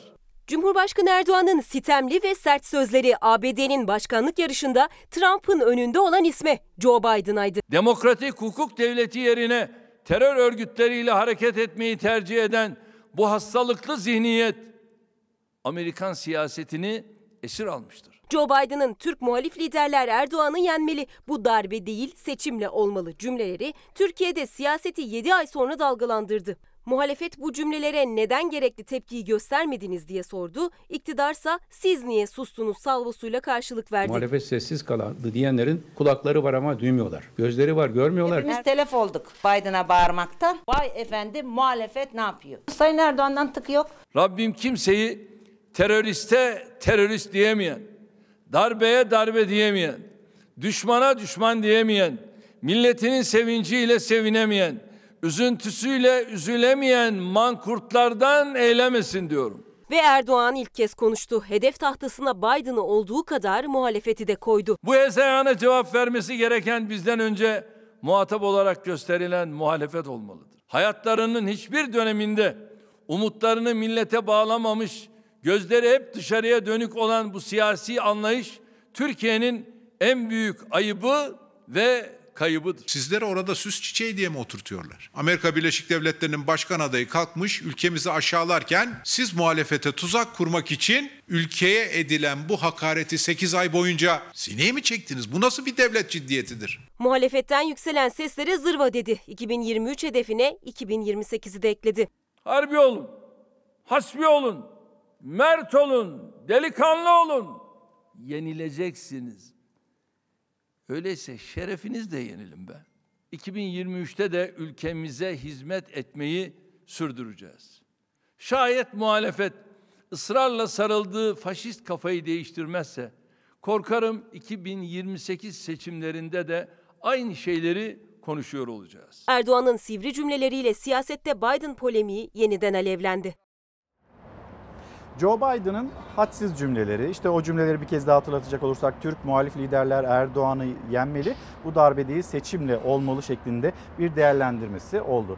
Şimdi Cumhurbaşkanı Erdoğan'ın da açıklamaları hemen bir kez daha söyleyecek olursak dostluğumuz var, oturup konuşmuşluğumuz var. En azından oturup çay içmişliğimiz var. Benimle ilgili böyle bir cümleyi nasıl kullanırsın dedi. Bir tarafıyla Biden'a yükleniyor Cumhurbaşkanı, diğer tarafıyla da sözü muhalefete getiriyor, size getiriyor. Ne dersiniz? Şimdi Sayın Cumhurbaşkanı'nın dostlarından yaşadığı inkisar ilk değil biliyorsunuz. Daha önce defalarca zikrettim. Ben mecliste de dile getiriyorum bunu. Sayın Cumhurbaşkanı'nın dostlarından çektiğimizi düşmanlarımızdan çekmedik evvelallah. Yani Trump dostum, sevgili dostum Trump bize nelere sebep olduğunu hep konuşuyoruz. Mecliste konuşuyoruz, dışarıda konuşuyoruz. Efendim PKK'ya silah yardımı yapmasından tırlar dolusu. Efendim onlara lojistik destek, istihbarat desteği sağlamasından, sınırımızın altında bir PKK devleti kurmaya teşebbüs etmesinden tutunuz da efendim NATO müttefikliğinden doğan hukukumuza halel getirecek şekilde bizi sıkıntıya sokmasına kadar. Efendim Belki Suudi bugün de bir başka şekilde Doğu Akdeniz'de sevgili görüyoruz. dostum Trump diye başladığı cümlelerin arkasında muhalefetin hep şu şaşkınlığıyla karşılaştı. Ya bu dostlarınızla sizin münasebetlerinizi ne belirliyor bilmiyoruz ama Türk devletinin menfaatlerini korumak zorunda olduğunuz bu mesuliyet makamında siz niçin bu sevgili dostum parantezinden çıkamıyorsunuz? E Trump bir ara dostuydu. Bir ara Suudi Arabistan'ın çiçeği burnunda kralı biliyorsunuz vefat etti 95 yaşında. 3 gün milli yas ilan ettiler. Milli yas ilan edildi. 3 Çiçeği gün bayraklar kralı. e, 95 yaşında vefat etti gençliğine doyamadan. E şimdi ona milli yas ilan ettik. Niçin böyle söylüyorum? Bu Suudi Arabistan Türk devletinin düşmanlarına 500 milyon dolar nakit yardım yapmak taahhütünde bulundu, yardım etti. Şimdi o da dostuydu. Efendim Fethullah Gülen dostuydu. Darbeye teşebbüs etti, devleti istiskal etmeye kalktılar ve dostuydu. Sayın Cumhurbaşkanı'nın dostlarından çektiklerimizi düşmanlarımızdan çekmiyoruz. Şimdi dün konuşmasında fark ettim. Biden'la ilgili de yemişliğimiz, içmişliğimiz, oturmuşluğumuz, kalkmışlığımız, dostluğumuz var. Cümleleri Sayın Cumhurbaşkanı'nın cümleleri. Biz yeni duyduk falan demiyoruz. Sadece ciddi devletler, uluslararası diplomasi, hariciyenin vazifeleri, bu anlamda bu tür hezeyanlarla ilgili ilk açıklandığı andan itibaren ortak bir mutabakat zemini ayarlar. Gelirler meclise derler ki Türk devletinin iradesine tasallut eden böyle münasebetsiz, ahlaksız bir açıklama oldu.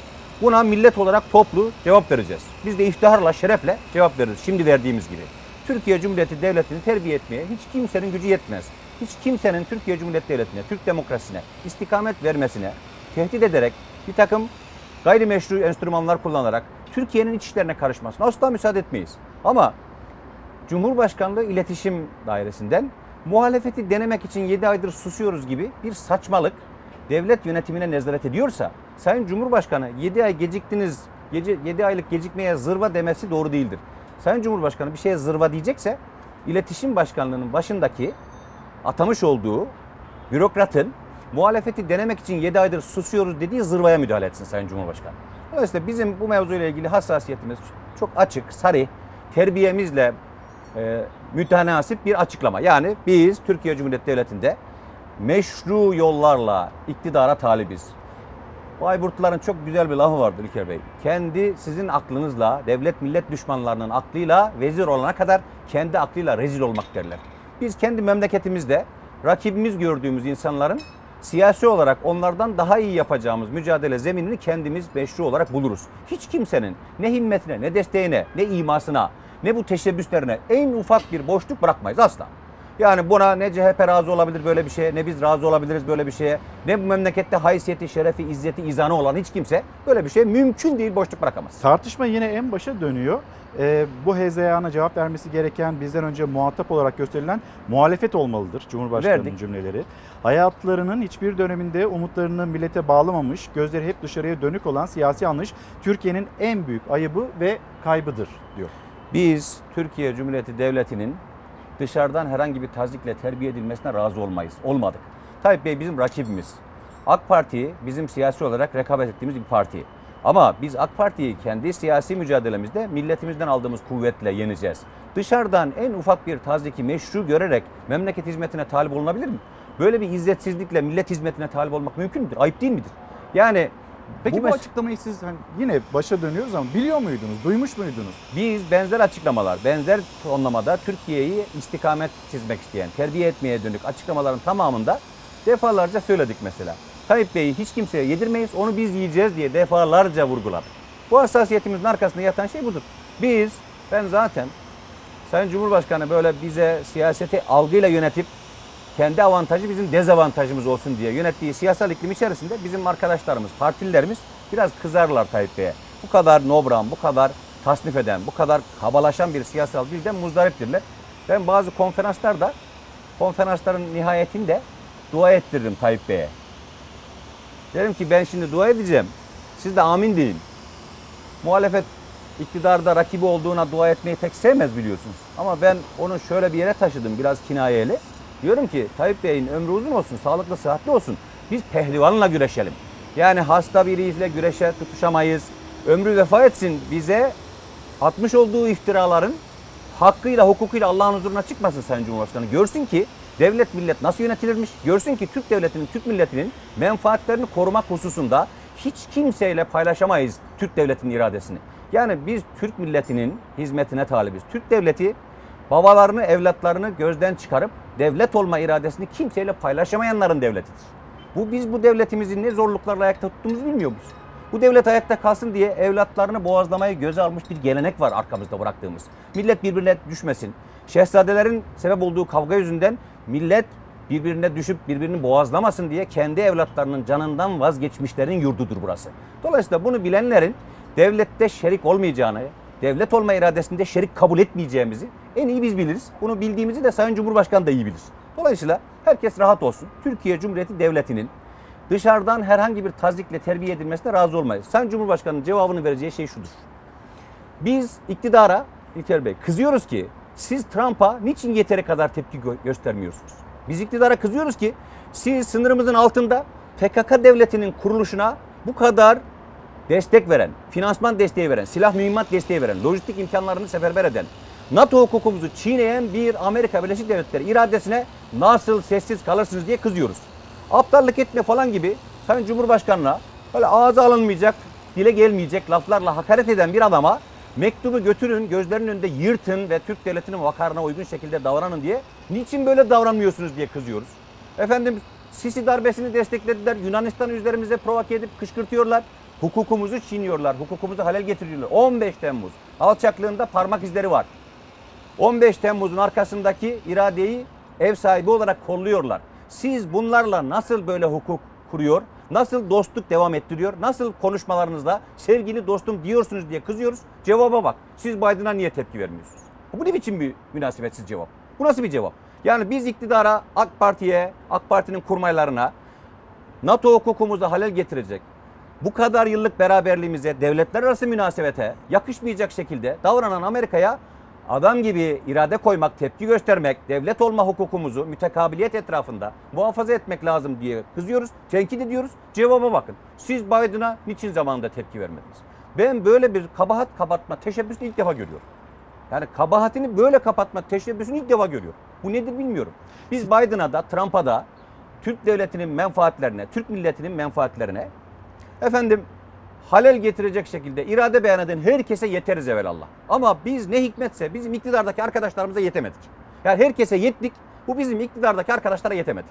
Her açıklamamızı Türk devletinin, Türk milletinin menfaatine, vakarına, tarihi tecrübesine, şimdiki sorumluluklarına ve bundan sonra taşıyacağı sorumluluklara uygun şekilde yapıyoruz. Devlet terbiyemizde yapıyoruz. Milletin hukukuna nezaret edecek ahlakımızda yapıyoruz. Şerefimizde, izzetimizde yapıyoruz. Herkese yettik, iktidara yetemedik. Siyasi iklime de bakmak istiyorum Yavuz Bey. Ee, sözü de oraya getireceğim. İktidar e, ya da Cumhur İttifakı ile Millet İttifakı arasındaki o sert diyaloglar bunun gerekçesi acaba tünelin ucunda bir seçim var sorusunu da sordurtuyor. Cumhurbaşkanı Erdoğan harbi olun, hasbi olun, mert olun, delikanlı olun yenileceksiniz dedi. Ve böyle devam ederse 2023'te kazanacağız, 2028'de de kazanacağız. Böyle bir hedef koydu önüne. İktidar millete uyguladığı programlarla iktidar avantajını yönetir. Uzunca zamandır iktidar program uygulamak, memleketin dertlerini çözmek, memleketi kalkındırmak, güçlendirmek, yaşam kalitesini yükseltmekle ilgili bir maharet gösteremiyor. Bu maharetsizliğini kapatmak için muhalefete yükleniyor. İktidar çözüm üretme merkezi olmaktan çıktı İlker Bey. Mazeret üretme merkezine döndü. Yapıp ettiklerini yahut yapıp edemediklerini muhalefete ciro ederek iktidarda kalmak mümkün değildir. Yani muhalefet kötülenerek iktidarda kalmak bundan sonra iktidarın artık bu memleketi taşıyamayacağını alamettir. Biz bu memlekette 18 yıllık iktidarı ilk defa tecrübe ediyor olabiliriz. Efendim muhalefet bu kadar hata yapan bir iktidarın elinden memlekete almak hususunda yeteri kadar maharetli de olmayabilir. Ama görünüyor ki artık iktidar da maharetli değil. İktidar memlekette yaş- sebep olduğu bu yaşam zorluğunun, memlekette sebep olduğu bu pahalılığın, bu işsizliğin, bu geçim darlığının, bu geçim zorluğunun, bu esnafın artık nefes alamaz hale gelmesinin, çiftçilerimizin, dar gelirlerimizin, iş adamlarımızın artık bu şartlarda yaşayamaz ve rekabet edemeyiz hissiyatını kapatmak için muhalefete, işi cüre etmeye kalkabilir. Bu onların teşebbüs edeceği bir şeydir. Normaldir bu. Ama iktidar mazeret üreterek elde tutulmaz. İktidar proje üretilerek elde Mesela, tutulur. e, Biz iktidar olmaya namzetiz. Beyefendi de rakibimiz 2023'te de göreceğiz. İk- e, 2023 hedefi var. Yani seçim zamanında olacak mı olmayacak mı? Ne dersiniz? Şöyle, yani doğalgaz Türkiye'de- müjdesi, bu söylemlerin sertleşmesi. Türkiye'de bu, bu dediğiniz çerçeve. Yani söylemler sertleşiyor. Aslında öncelik sıralamasında daha gerilerde durması gerekenler öne alınıyor. Seçim zamanlarında karşılaştığımız popülizme alamet bir takım şeyler var. İşte bu e, daha önce 8 defa haberini e, yalan haber olarak yaşadığımız, müjde diye her seçim evvelinde duyduğumuz, bu seçimde de şimdi gerçek olduğuna inanmak için gayret ettiğimiz mesela doğalgaz haberi böyle bir seçim psikolojisi tetikliyor. Yani daha önce şimdi topladık arkadaşlarımız da her seçim döneminden önce bulundu diye millete müjde diye verilen doğalgaz rezervlerinin toplamı 40 trilyon metreküp. 40 Şimdi trilyon 40 metreküp. trilyon metrekübü her seçimden evvel zikretmişsiniz. 20 milyon Edirne'de bulduk, orada bulduk, şurada bulduk diye anons etmişsiniz, ilan etmişsiniz, müjde diye bahsetmişsiniz. Sonra bunlardan sonra elde koca bir hiç kalınca en son bu bulduğunuzla ilgili tereddütler hasıl olmuş. Şimdi bu popülizme alet edilince memleketin alın teri, çalışılmış, bulunmuş, memlekete katma değer üretilmiş bir takım faaliyetler seçim popülizmine kurban edildiği için bu sizin dediğiniz psikoloji oluşuyor. Diyorlar ki acaba seçim hazırlığı mıdır bu? Efendim Ayasofya ile ilgili süreç içerisinde de gördük. Sayın Cumhurbaşkanı cümlelerin hepsini kurdu. Yani niye açalım? Provokasyondur. Açmayı provokasyon sayarız. Efendim Sultanahmet'te oldu mu ki peşinden açılıyor. E peşinden böyle bir işte doğalgazla ilgili e, bir seçim lansmanı şeklinde e, Seçim takdim alametleri ediliyor. yani bunlar? Bunların hepsini seçim alameti sayıyoruz eski hafızamızdan. Ama ben şöyle bakıyorum. Biz muhalefet partisiyiz. Biz seçimden kaçmayız. Seçim dediler mi ki ülkenin şu anda yönetilemeyeceğini, yönetilemediğini düşünüyoruz. Yani bu ülkede şimdi Berat Albayrak'ın ekonominin patronu olarak Cumhurbaşkanlığı hükümet sisteminde de Sayın Cumhurbaşkanı'nın kendisini takdim etme şekli oydu. Benim ekonominin patronu. Yani kim bu sistemin e, sahibi benim diyordu. O takdim içerisinde hem Berat Albayrak hem Sayın Cumhurbaşkanı mesul tutarak söylüyoruz. İki buçuk yıllık karnesi berbat olan bu ekonomik süreci bir sondajla toparlamak teşebbüsü seçim alameti. Yani Berat Albayrak'ın ekonomide sebep olduğu maharetsizlikten kaynaklanan maliyeti kapatmak için 320 milyar metreküp doğalgaz yetmez. Bu 60 milyar dolara tekabül ediyor. Onların söylemesi. Hepsi tam verimli doğalgaz olsa, hepsi çıkarılsa, maliyeti de sıfır olsa, yani çıkarma maliyeti sıfır olsa, tespit kuyuları vurulmuş olsa, bu gazı çıkarma hususunda hiç kimseden yardım almadan kendi milli imkanlarımızla çıkaracak olsak, çıkarma maliyeti de bizim bu karlılığımızı hiç azaltmasa 65 milyar dolarlık bir rakamdan bahsediliyor. Bu 65 milyar dolarlık rakam seçim kazanmaya yetmez. Bu 65 milyar dolarlık rakam özelleştirmeden elde ettikleri paranın ikamesi sayıyoruz bunu. Yani bunu özelleştirmeye saydık. Ekonomi başlığına geçeceğiz. Özellikle esnaflarla ilgili hazırladığımız haberler var. Onları da paylaşacağım sizinle. Amerika Birleşik Devletleri'nden ABD Başkanı Trump'tan sıcak mesajlar var Cumhurbaşkanı Erdoğan'a. Bir izleyicilerimizle İzleyelim. paylaşalım. Öyle devam edelim. Olur.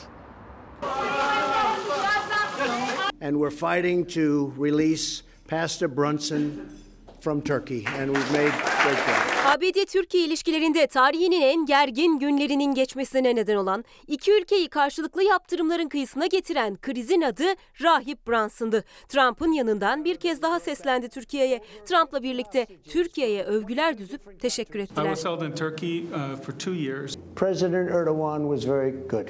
Bunun için minnettarız ve Türk halkına da minnettarız. demokratik hukuk devleti yerine terör örgütleriyle hareket etmeyi tercih eden bu hastalıklı zihniyet Amerikan siyasetini esir almıştır. Tam da Cumhurbaşkanı Recep Tayyip Erdoğan'ın kabine toplantısı sonrasında söylediği sert sözlerin ardından ABD Başkanı Donald Trump Beyaz Saray'da kameraların karşısındaydı. Yanında onun başkanlığı sırasında ülkeye getirilen 6 vatandaş da vardı. 22 farklı ülkede tutuklu ya da rehin tutulan 50'den fazla ABD vatandaşını geri döndürdüklerini söyledi Trump. Onun misafirleri arasında İzmir'de terör örgütleri adına suç işlediği ve casusluk yaptığı iddiasıyla yargılanan, o davada örgüte yardım suçundan 3 yıl 1 ay 15 gün hapis cezasına çarptırılan ABD'li din adamı Andrew Craig Brunson da vardı. Turkey uh, for two years. Brunson 2016 yılında İzmir'de terör örgütleri adına suç işlediği ve casusluk yaptığı iddiasıyla yargılandığı davada örgüte yardım suçundan 3 yıl 1 ay 15 gün hapis cezasına çarptırılmıştı. Diplomatik adımlar ve restleşmelerin ardından Temmuz 2018'de Brunson krizi zirve noktasına tırmandı. İki ülkede birbirine tehditkar ifadelerle sonuçlarına katlanırsınız mesajı verdi. Karşılıklı yaptırım ve boykot kararları gündeme geldi. 12 Ekim'deki mahkeme ne karar verir şu anda bilemem. 2018 yazını Brunson krizi nedeniyle gergin bir hatta geçiren Türkiye-ABD ilişkileri Ekim ayında Rahip Brunson'ın ev hapsinin ve yurt dışına çıkış yasağının kaldırılmasıyla duruldu. Brunson apar topar ABD'ye döndü. Dün kameraların karşısında Brunson iki yıl tutuklu kaldığını ve Amerikan yönetiminin mücadelesiyle serbest kaldığını söyledi. Trump ise Erdoğan'a teşekkür etti. Şunu söylemeliyim ki Cumhurbaşkanı Erdoğan çok iyiydi. Ben senin masum olduğunu biliyordum. Erdoğan ile birkaç konuşma yaptıktan sonra onunla anlaştık. Bunun için minnettarız ve Türk halkına da minnettarız. ABD Başkanı Trump'tan Erdoğan'ı seviyoruz açıklaması. Bir tarafıyla Biden, Biden'a yükleniliyor ama Amerika Birleşik Devletleri'nin Suriye sınırındaki o politikası yine eleştiriliyor. Diğer yandan işte Trump'a soru soruluyor. Erdoğan'ı seviyoruz açıklaması.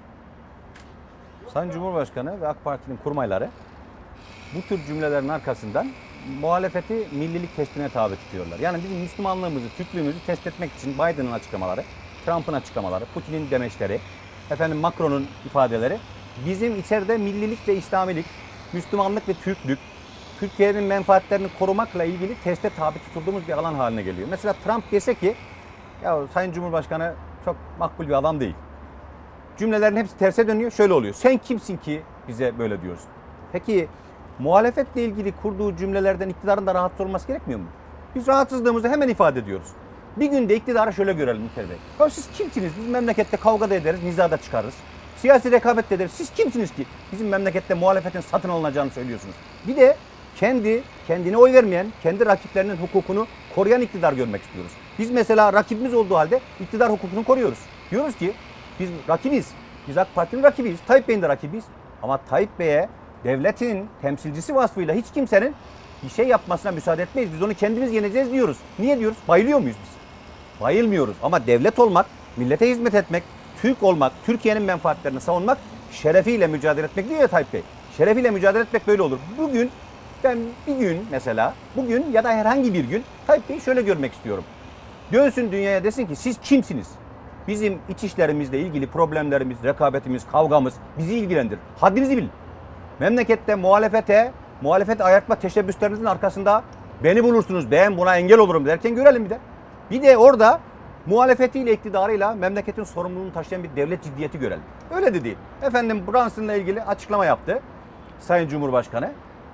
Neymiş? Bu fakir bu koltukta durduğu müddetçe bu arkadaşı kimse alamaz. Sonra biliyorsunuz işte tekrarlamış Amerika Birleşik Devletleri Başkanı. Efendim rica ettik. Tayyip Bey de çok hatırını sayar. Gönderdik gitti. Peki şimdi bu bu bu olana bitene bizim verdiğimiz cevabı kafi görmüyorlarsa bizim bu Z kuşağı bu işlere çok güzel kepsler yapıyor. Tayyip Bey bu fakir bu, bu makamda durduğu müddetçe bunu kimse alamaz dedi. Sonra gidince millet yazmaya başladı ki e ben fakir değilim ki. Tayyip Bey'in böyle resimleri çıktı. Ben fakir değilim ki o yüzden gitti. Dolayısıyla devletin biz şerefimizle Tayyip Bey'le mücadele etmeyecek olsak devletin itibarına ziyan olan bu işlerden heves eder mutlu olurduk. Biz niçin utanıyoruz? Madem öyle. Madem biz bu memlekette millilik hususunda dezavantajlı gruplar arasında sayılıyoruz mesela. Millilik hususunda itham edilen gruplar arasında sayılıyoruz. Ya, düzelteyim. Biz niçin Trump'ın münasebetsiz tweetlerinden rencide oluyoruz? AK Parti'ye söylenmiş olsa bile. Madem millilik hususunda bir takım handikaplarımız var. Tayyip Bey'in söyleyip de tersini yapmak zorunda kaldığı işlerden niçin hissemize mahcubiyet, utanç düşüyor? Niçin Doğu'da, Güneydoğu Anadolu'da bizim devletimizi terbiye etmeye yönelik bir takım terör organizasyonlarına destek verince biz niçin kendimizi zora girmiş, boğazı sıkılmış hissediyoruz? Niçin Türkiye Cumhuriyeti Devleti'nin menfaatleri mevzu bahis olunca yeterli tepkiyi vermedi diye iktidara kızarken biz niye utanıyoruz? O zaman Tayyip Bey'in dediği doğru olsa, AK Parti'deki arkadaşların dedikleri doğru olsa bizim bunlardan sevinmemiz lazım. Muhalefetin coşkuyla iktidarın verdiği müjdelere sevinememesine bayılan bir iktidarımız var.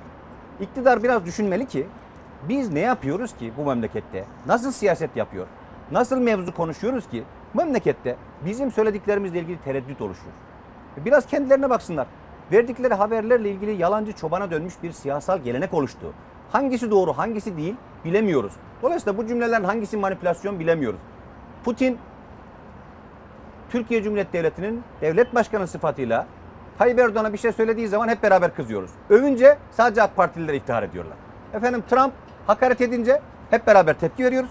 Muhalefete hakaret edince sadece onlar seviniyorlar. Bu münasebetsizliğin önüne geçecek bir devlet ciddiyetine ihtiyacımız var. Bize şöyle bir şey lazım. Tayyip Bey emin olsun AK Parti'deki arkadaşlarımız da kalben rahat olsunlar. Biz AK Parti'yi kurda kuşa yem etmeyiz. Onları biz yiyeceğiz. Çok net, sarih, anlaşılabilir şekilde söylüyoruz. Türkiye Cumhuriyeti Devleti istiklale tam, hassasiyetiyle kurulmuş bir devlettir. Hiç kimsenin mandasına, himmetine muhtaç olmadan kurulmuş bir devlettir. 30 Ağustos geliyor.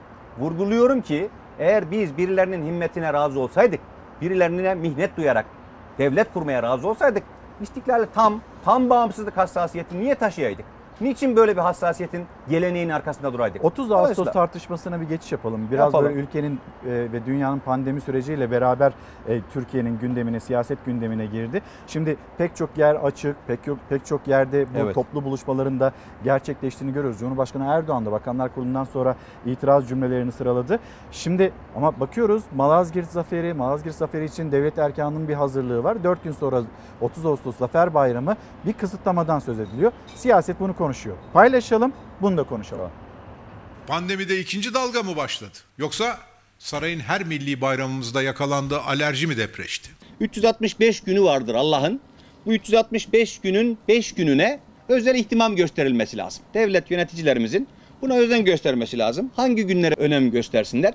10 Kasım'a, 23 Nisan'a, 29 Ekim'e, 30 Ağustos'a ve 19 Mayıs'a. Kalan 365 gün ne yaparsanız yapın. 30 Ağustos'a sayılı günler kala İçişleri Bakanlığı genelgesiyle Zafer Bayramı törenlerine ve kutlamalarına getirilen kısıtlama siyasetin gündeminde. Kısıtlamalara gerekçe pandemi gösterildi. Muhalefet önceki etkinlikleri peş peşe sıraladı. Ayasofya Camii açılışında binlerce kişiyi bir araya toplayan, vatandaşları krediyle tatile gönderen, 15 Temmuz'u 3000 etkinlikle kutlayan, öğrencileri pandemide sınava sokan saray hükümeti 30 Ağustos törenleriyle ilgili olarak birdenbire salgının zirve yaptığı dönemdeki önlemlere geri döndü. Malazgirt'in anması için Ahlat'ta organizasyon var.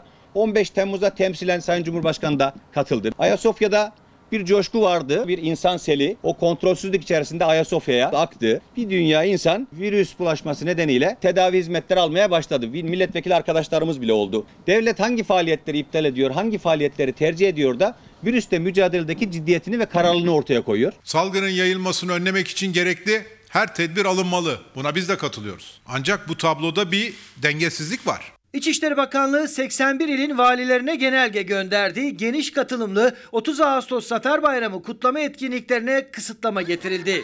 Sınırlı izin verilen kutlamaların da dar katılımla kısa sürede tamamlanması istendi. Atatürk anıtlarına çelenk sunma ve şehitlik ziyaretleri asgari katılımla gerçekleştirilecek. Tebrigat ve resepsiyonlar yapılmayacak. Özel günlerin, milli ve mühim günlerin içerisinde devletin yönetimine nezaret eden aklın ciddi olmasını tavsiye ediyoruz. 30 Ağustos törenlerini katılmayıp bu şekilde durdurabileceklerini sanıyorlarsa yanılıyorlar. Milletin milli duygularıyla oynaması. 30 Ağustos'un bulunduğu haftada başka hangi etkinlikler yasaklandı? Muhalefet sorularla iktidarın peşinde. Düşmanı Anadolu'dan söküp atan büyük kurtuluş mücadelesinin zafer gününe neden kısıtlama getirildiğinin cevabını arıyor. Efendim şimdi biz 23 Nisan buruk geçti pandemi yüzünden. 19 Mayıs yine e, buruk yaşadığımız milli bayramlarımız arasındaydı.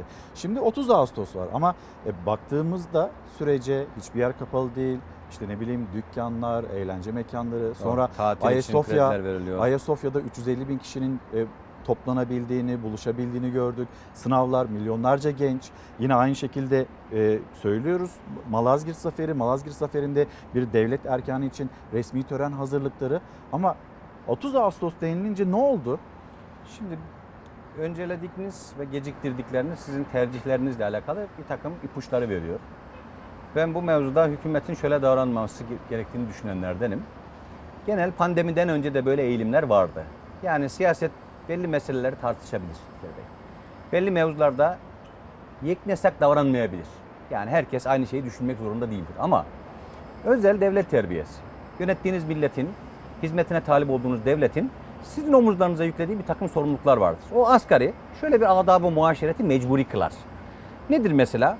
10 Kasım'da, 23 Nisan'da, 29 Ekim'de, 19 Mayıs'ta ve 30 Ağustos'ta bu 5 gün Allah'ın 365 gününün bu 5 günü hizmet ettiğiniz devletin, hizmetine talip olduğunuz milletin vakarına uygun davranırsınız. Bu 5 günün ruhuna uygun davranırsınız. Kalan 360 gün ne yaparsanız yapabilirsiniz. Konuşursunuz. Siyasi polemik konusu da olur. Tartışılır da. Bunlarla ilgili kanaatlerinizi ifade etmek için sanki Allah'ın günü bitmiş gibi böyle bir tırmalama hevesi devamlı bu zamanlarda, bu zeminlerde görülür. Şimdi şu hassasiyetiniz çok makul bence. Efendim biz virüs mutasyona uğrar diye bekliyoruz. Virüsle mücadele etme ciddiyetimiz mutasyona uğradı. Yani biz yaz aylarında virüs mutasyona uğrar diye bekliyorduk. Yaz başlandığı başladığı andan itibaren devletin virüsle mücadele etme iradesi mutasyona uğradı. Gevşedi, döküldük. Biz vefat eden doktorlarımıza, sağlık çalışanlarımıza hürmetsizlik yapmış olduk. Alaçatı'da 500-600 bin kişinin olduğu hafta sonları geçirdik. 500-600 bin kişilik bir yaz tatili hissiyatı şeyden önce bile, virüsten önce bile yoktu. Bu çocuklarını bize emanet edip giden, vefat ederken benim çocuklarım, kızlarım çok küçük onlara bakar mısınız diye bize veda eden böyle sağlık çalışanlarımız var, doktorlarımız var. Bu onlara hürmetsizlik değil midir? O yüzden devlet yapacaksa ciddiyetini her mevzuda gösterecek. Seçerek bunda yapmayacağım, şunda yapacağım. Efendim tatilde turizm sektörünü kurtaracağım. Onlara kredi veriyorum. Ondan sonra da bas bas bağıracağım ki arkadaşlar sosyal mesafeyi koruyun. Efendim çocuklarımızın sınav tarihiyle ilgili biliyorsunuz bir git gel oldu. Orada da benzer hassasiyetlerimiz vardı. Yapmak zorundayız'a döndü. Eğlence mekanları, AVM'ler açıldı. Yine benzer şeyler konuştuk. Şimdi bütün bunlar olurken efendim piyasayı tutmak, tabii ki tutmak zorundasınız piyasayı. Ama insanların yaşayanlarıyla devletinizi, milletinize hizmet edecek şekilde yönetebilirsiniz. Dolayısıyla birinci önceliğiniz insanları yaşatmak. E, Ayasofya'da hatırı sayılır bir protokol uygulandı aslında. Yani içeride güvenlik olsun diye Sayın Cumhurbaşkanı devlet erkanı oraya gelecek mecbur. Çünkü nihayetinde bir sosyal mesafeye dikkat edilmesi lazım. İçeride nispeten kontrol edebildik bunu. İçeride görevli arkadaşlarımız geldi Ayasofya'da. Efendim namaz saf aralıklarını işaretlerle belirlemişler. O aralıklara özen göstererek namazımızı kıldık. Ama dışarıda yüz binler vardı. Dışarıda yüz binler vardı. Resmi törenler sosyal mesafeyi kontrol edebilmek anlamında çok daha rahat e, davranmak imkanı verir idareye. Çünkü resmi olarak kutlarsınız. Katılımları istediğiniz gibi yönetebilirsiniz. Burada hassasiyet gösterilmesi gereken bence şudur. Milli bayramlarını unutanlar yarın dini bayramlarını kut, mahcubiyetle kutlarlar. Kutlayamazlar demiyorum. Yani mesela milli bir şuuru kaybettiğiniz zaman başınıza gelecek felaketler müstakil kalmak, bağımsız olmak ve bir devletinizin altında, güvenliği altında, bayrağınızın altında dini bayram kutlamanızın önüne geçer. 15 Temmuz'u andık. 15 Temmuz'u anmamalı mıydık? Tabii ki anmalıydık. Çünkü devleti istiskal girişimi vardı. Ona karşı milletin duruşunu hatırlamak, hatırlatmak mecburiyetindeyiz. Ama 30 Ağustos da bir devletin varoluş iradesidir. Bu devletin kuruluş iradesidir. O iradeyi de duyurmak, bu topraklarda hangi bedelleri ödeyerek kaldığımızın ilanını yapmak, bu beka meka diye konuştukları bu zaman için lüzumlu değil midir? O yüzden bunu resmi olarak yönetebilmek çok mümkünken sizin bunlara gerek yok diye tehir ettikleriniz öncelik sonralık sıralaması içerisinde bulunduklarınız hangi şeyleri öncelediğinizi, hangi şeyleri önemsiz hale getirdiğinizi sizin üzerinizden tartışma zeminine çeker. Dolayısıyla ben bu arada hükümetin ihtimam göstermesi gerektiğini düşünüyorum. Fedakarlık mevzu bahis edilince resmi bayramlardan, milli bayramlardan fedakarlık etme alışkanlığından bir kurtulsunlar. Yani AVM'lerden fedakarlık edin yok. Efendim tatilden fedakarlık edin yok. Efendim çok resmi olmasa da büyük bir coşkuyu yönetme imkanınız yok. O coşkuyu kademeli yap yok. Neyden fedakarlık edeceksiniz? Neden fedakarlık edeceksiniz? 30 Ağustos'tan fedakarlık edeceğiz. Bu tercihlerdeki öncelik sonralık sıralaması siyaseti buna sebep olanlarla beraber tartıştırır. Ekonomi başlığına geçelim, Geçelim. istiyorum çünkü esnafımızdan da bayağı bir mesaj geliyor. Ee, İyi Parti lideri Meral Akşener e, pandemi sürecinde ara vermişti. Yeniden sahaya döndü. Esnafla konuşuyor. Aynı şekilde muhalefeti görüyoruz. Gelecek Partisi'ni görüyoruz. Deva Partisi'ni görüyoruz. Cumhuriyet Halk Partisi'ni görüyoruz. Ve orada işittikleri aslında ekonomi yani iktidarı yönetenlerin kurduğu cümlelerin tam aksi yönünde. Şimdi bakalım neler söylüyor liderlere, esnaf ya da vatandaş. Evet. Bununla bir başlayalım ekonomi başlığımıza da. Kırtasiyeci, kantinci, kıraathane sahibi hepsi çok zor durumda. Pazara giren dar gelirli vatandaş yandım Allah diye kaçıyor. Bizim kahvehanelere oyun verilmediği için Sayın Başkanım bir kişi çay içmeye gelmez. Evet. Çay içmeye giden parklara gider, pa- çay ocaklarına gider. Hiç iş yapamıyoruz. Dükkanda işçi de yok. Kendimizi kurtarmıyoruz. CHP Ankara'dan dile getirdi. Esnaf zorda dedi. İyi Parti lideri Meral Akşener de Çorum'da o dertleri bizzat esnaftan dinledi. Tüm dünya esnaflarına karşılıksız nakit desteği verdi. Siz ise bizim esnafımıza sadece faizle borç verdiniz. Şimdi o borçları da geri ödeme zamanı geliyor. Boğaza kadar borç ve belirsizlik içinde yarın ne olacak diye esnaf kara kara düşünüyor. Bir de kredi çektik biz biliyorsunuz bunun üzerine. Bunun ödemeleri de geldi. Aldığımız krediyi harcadık. Şimdi ödeyecek bir şeyimiz de yok. Yiyecek ekmeğimiz de yok. Bankalarda telefon ediyor, şeye takibe düştünüz. Yok Sayın Başkanım bitti. Kahveci olarak bitti. Muhalefette gündem ekonomi, pandemi döneminde katlanan sıkıntılar, işsizlikten kredilere, faturalardan kiralara, gıda fiyatlarına kadar her başlıkta ses yükseltiyor. İktidar hedefte. Vatandaşlar isyan ediyor. Ekmek alacak para bulamıyorum diyor. Aç bu millet önünde çıkmıyor. Duyuyorsunuz. Aç aç. Torunlarımızı artık veremiyoruz başkanım. Asıl mesele bu. Asgari ücret altına aldı. Ben asgari ücretleri 2019'da 60 lira fazla alıyordum. Asgari ücret şu anda benden 200 lira fazla alıyorum. Akşener'in son durağı Çorum'da esnaftan da emekliden de aynı ses yükseldi. Vatandaş siyasetçilere geçinemiyoruz diye seslendi. Deva Partisi Genel Başkanı Ali Babacan da sokağa indi. Ankara'da vatandaşla buluştu. Hangi sorunları önemli? Olmayan bir sorun var. Bir sorun var mı? Var mı?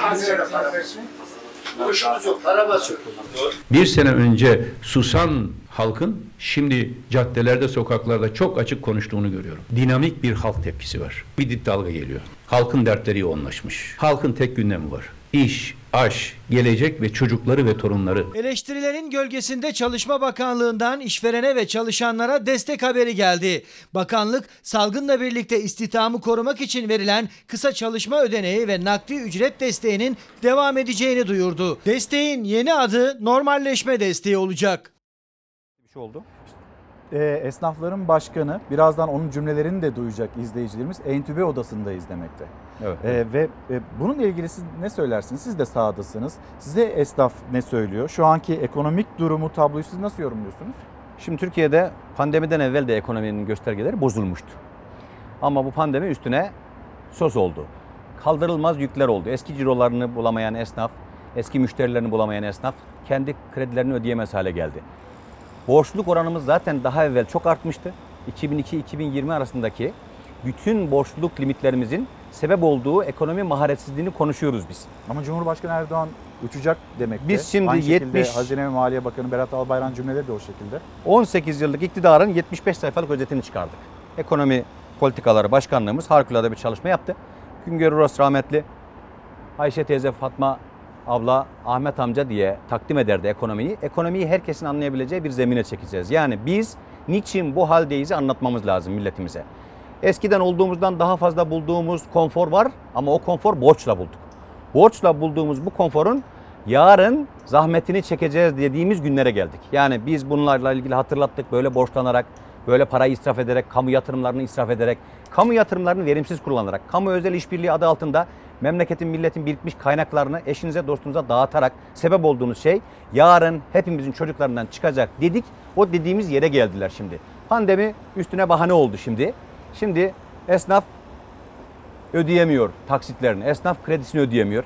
Esnafa can suyu diye verilen krediler esnafın yerine gelmez cirolar yüzünden geçmişte pandemi dolayısıyla birikmiş borçlarına gitti. Dolayısıyla şimdi eski cirolarıyla ayakta kalamayan esnaf feryat figan bağırıyor. Üniversiteli gençlerimiz işsiz. %23'e çıkmış üniversiteli işsizlerimizin oranı. Efendim 8 milyon 200 küsür bin geniş tanımlı işsizliğimiz var. 4 milyon dar tanımlı işsizlik. 4 milyon 175 bin dar tanımlı işsizliğimiz var. Şimdi bu şu demektir. Türkiye'de bu kadar işsizlik artıyorsa, esnaf bu kadar borcunu ödemekte zorlanıyorsa, gençlerimiz memleketten umudu kesmişse, dar gelirlimiz alışveriş yapamaz hale gelmişse, evlatlarına mahcup babalar, çocuklarına mahcup anneler, babalarından harçlık almak zorunda kalan gencecik çocuklar, memlekette kendi kendine yetememişliği 30-40 yıllık ticari itibarını kaybetmiş şirketler, ayakta duramayan büyük sanayi yatırımcıları, Doğrudan yatırım çekemediği için memlekette likidite sıkıntısı yaşadığımız için ekonominin bozulan dengeleri. Bir de turizmde büyük aksamadan dolayı ödeme zorluğuna düşmüş. Hem turizm sektörü hem bu sektöre bağlı olarak döviz girdisini kaybettiği için ödeme zorluğuna kurban gitmiş Türkiye Cumhuriyeti Devleti. Şimdi bütün bunlar ne demek? Uçuyoruz demek mi? Evet uçuyoruz demek ama Tayyip Bey yanlış anlıyor. Tayyip Bey'e yanlış bilgiler veriyor olabilirler. Yahut Tayyip Bey seçim sattığına doğru memleketi taşırken her şeyin toz pembe olduğunu söylüyor olabilir. Ama çıksınlar sahada görsünler. Çıksınlar esnafın içinde gezsinler. Bir ara sahaya çıkacağız, meydana ineceğiz falan diye Sayın Cumhurbaşkanı'ndan bir takım ifadeler duymuştuk.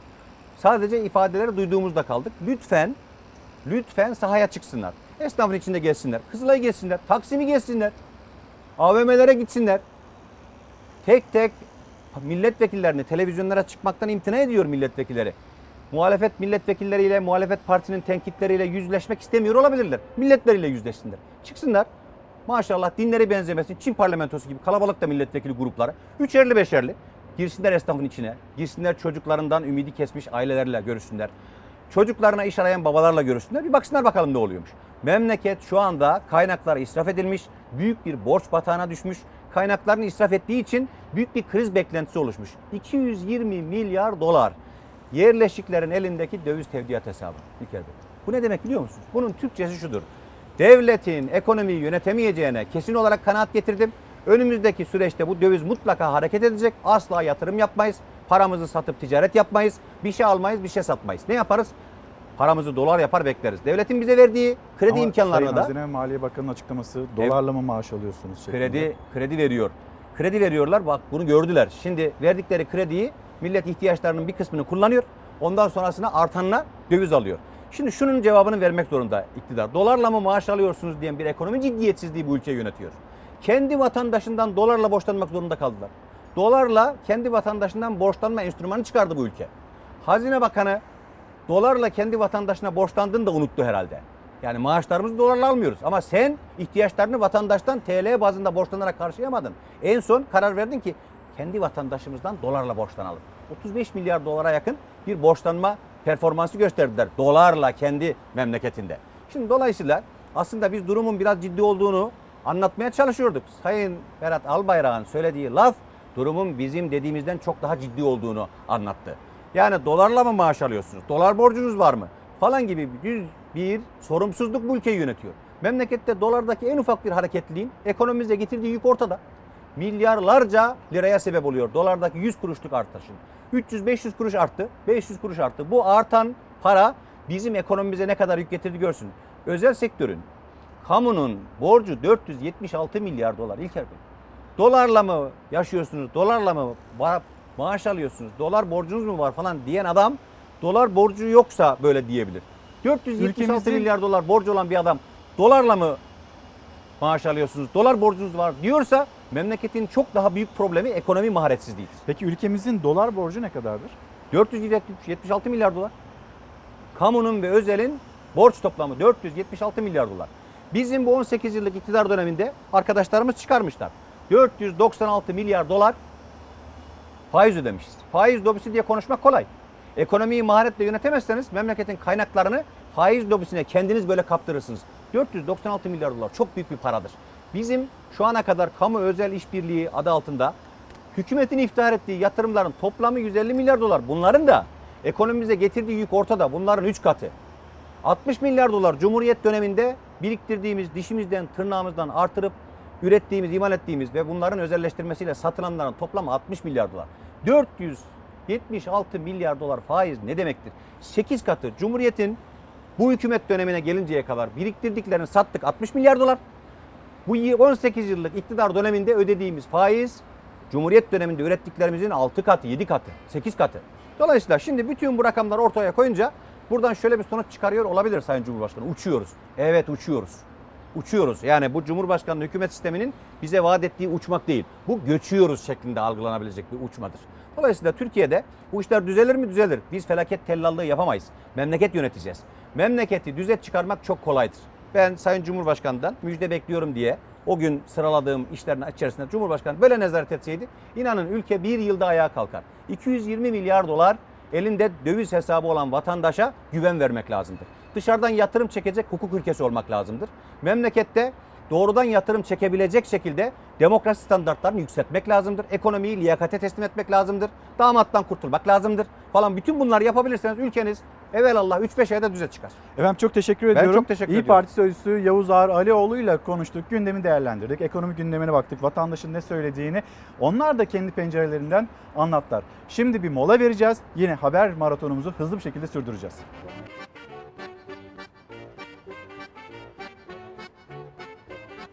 Efendim devam ediyoruz. Gazete haberlerimiz var. Bizim yapmış olduğumuz haberler var. Paylaşmak istiyoruz sizlerle. Ve yine Instagram'dan, Twitter'dan gelen mesajlar var. Hemen bir okuyayım. Bünyamin Bey göndermiş. Bünyamin Sunar. Küçük esnaf artık borçlarını ödeyemez halde. Daha ilerisini söylüyor esnafların başkanı. Biz entübe odasındayız. Bizimle ilgili ne yapacaksınız demekte. Az sonra bu haberi sizlerle paylaşacağız. Nalan Hanım da bizi yönetenler, ekonominin iyi olduğunu söyleyenler bir halkın arasına karışsınlar da görsünler acaba biz ne durumdayız, daha iyi tahlil yapabilirler demekte. Şimdi bugün e, başlığımız tünelin ucu. Tünelin ucu ifadesi Dünya Sağlık Örgütlerinin bir ifadesi, örgütünün ifadesi ve önümüzdeki günlerde belki de 2021 yılının bu aylarında, sonbahar aylarında bu pandemiden bütün dünya olarak kurtulacağız. Çünkü bir aşı müjdesinden söz ediliyor. Şimdi bu haberi paylaşalım. Biraz içimiz umut da olsun. Öyle devam edelim. Dünya Sağlık Örgütü Covid-19 aşısında müjdeyi verdi. Tünelin sonunda ışık göründü dedi. Covid-19 salgınında gözler hastalığı bitirecek aşıda. Salgına karşı aşı geliştirdiğini açıklayan ilk ülke Rusya. Moskova yıl sonuna kadar ayda 2 milyon doz aşı üretmeyi, ardından bunu 6 milyon doza çıkarmayı planlıyor. Birçok ülke Rus aşısına soru işaretleriyle yaklaşırken aşıyı satın alacağını duyuran ilk ülke Belarus oldu. Aşı konusunda bir yandan da zamana karşı yarış var. Dünya genelinde deney çalışmaları sona yaklaşan 9 aşı adayı var. Dünya Sağlık Örgütü direktörü ilk hedefin geliştirilecek aşının eşit ve adil dağıtımını güvence altına almak olduğunu söyledi. Bunun için kurulan ortak mücadele platformuna 172 ülkenin katıldığını, amacın 2021 yılı sonuna kadar en az 2 milyar doz güvenli ve etkili aşı sağlamak olduğunu belirtti. Amerika, Rusya ve Çin'in bu mekanizmaya dahil olup olmadığı konusunda bilgi vermedi. Aşıyı sabırsızlıkla bekleyenlerden biri de Amerika Başkanı Trump. Covid-19 sürecini kötü yönetmekle suçlanan Trump, aşıyı Kasım ayındaki seçimlerde koz olarak kullanmanın peşinde. Trump bu amaçla Oxford Üniversitesi'nin üzerinde çalıştığı ve deney aşamasında olan aşının peşine düştü. İngiliz gazetesi Financial Times, Başkan Trump'ın Amerika Gıda ve İlaç Dairesi FDA'nın acil kullanım yetkisi vermesini istediğini, bunun için baskı yaptığını yazdı. Dünyayı saran ve öne alınamayan salgında bugüne kadar 23 milyon 650 bine yakın kişide virüs tespit edildi. 814 binden fazla kişi öldü, 16 milyon 150 bin kişi de iyileşti. Bir Gün Gazetesi'nden ve Cumhuriyet Gazetesi'nden iki haber paylaşacağız pandemi gündemimizle ilgili. Bir Gün Gazetesi önce birinci dalga altında bile ezildik. Kim söylüyor bunu? Salgının tiyatro dünyasında açtığı yara derinleşiyor. Tiyatro sanatçıları birinci dalganın bile altında ezildik. Şimdi geleceği göremiyoruz. İkinci dalga ne getirecek bilmiyoruz dediler. Genco Erkal, kara kara kapalı salonlara geçmemiz gereken dönemi düşünüyoruz. Bu koşullarda insanları kapalı salonlara sokamazsınız dedi ve onlar da birinci dalganın altında bile ezildik. Biz önümüzü göremiyoruz. Vaka sayıları arttıkça neyle karşılaşacağımızı bilemiyoruz demekte Genco Erkal. Ve Cumhuriyet Gazetesi madenlerde alarm. Ocaklarda vaka sayısı artıyor. Yüksek risk grubundaki madenciler endişeli. Hani sokağa çıkma yasakları ilan ediliyordu ve Zonguldak deniliyordu ya. İşte o dönem ve Zonguldak denilmesinin bir gerekçesi vardı. Çünkü risk grubunda orada madenlerde çalışanlar ve madenlerde de alarm manş, e, başlığı Cumhuriyet Gazetesi'nin.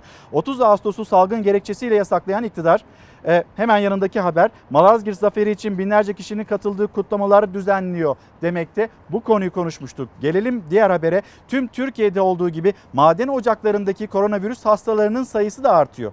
Kozlu ve Karadon maden sahalarında toplam 13 kişi daha virüse yakalandı. 89 madenci ise ev karantinasında. Üretimin sürdüğünü belirten sendika başkanları hastalığın daha fazla yayılmaması için kontrollerin arttırıldığını söylediği ya da artırılması gerekliliğini ifade ediyor bu konuyla ilgilenen kişiler. Şimdi okullar açılacak, çocuklarımız bir süre uzaktan eğitim, dileriz ki yüzde eğitim mi görebileceğimiz bir seviyeye de ulaşırız 21 Eylül'den sonra.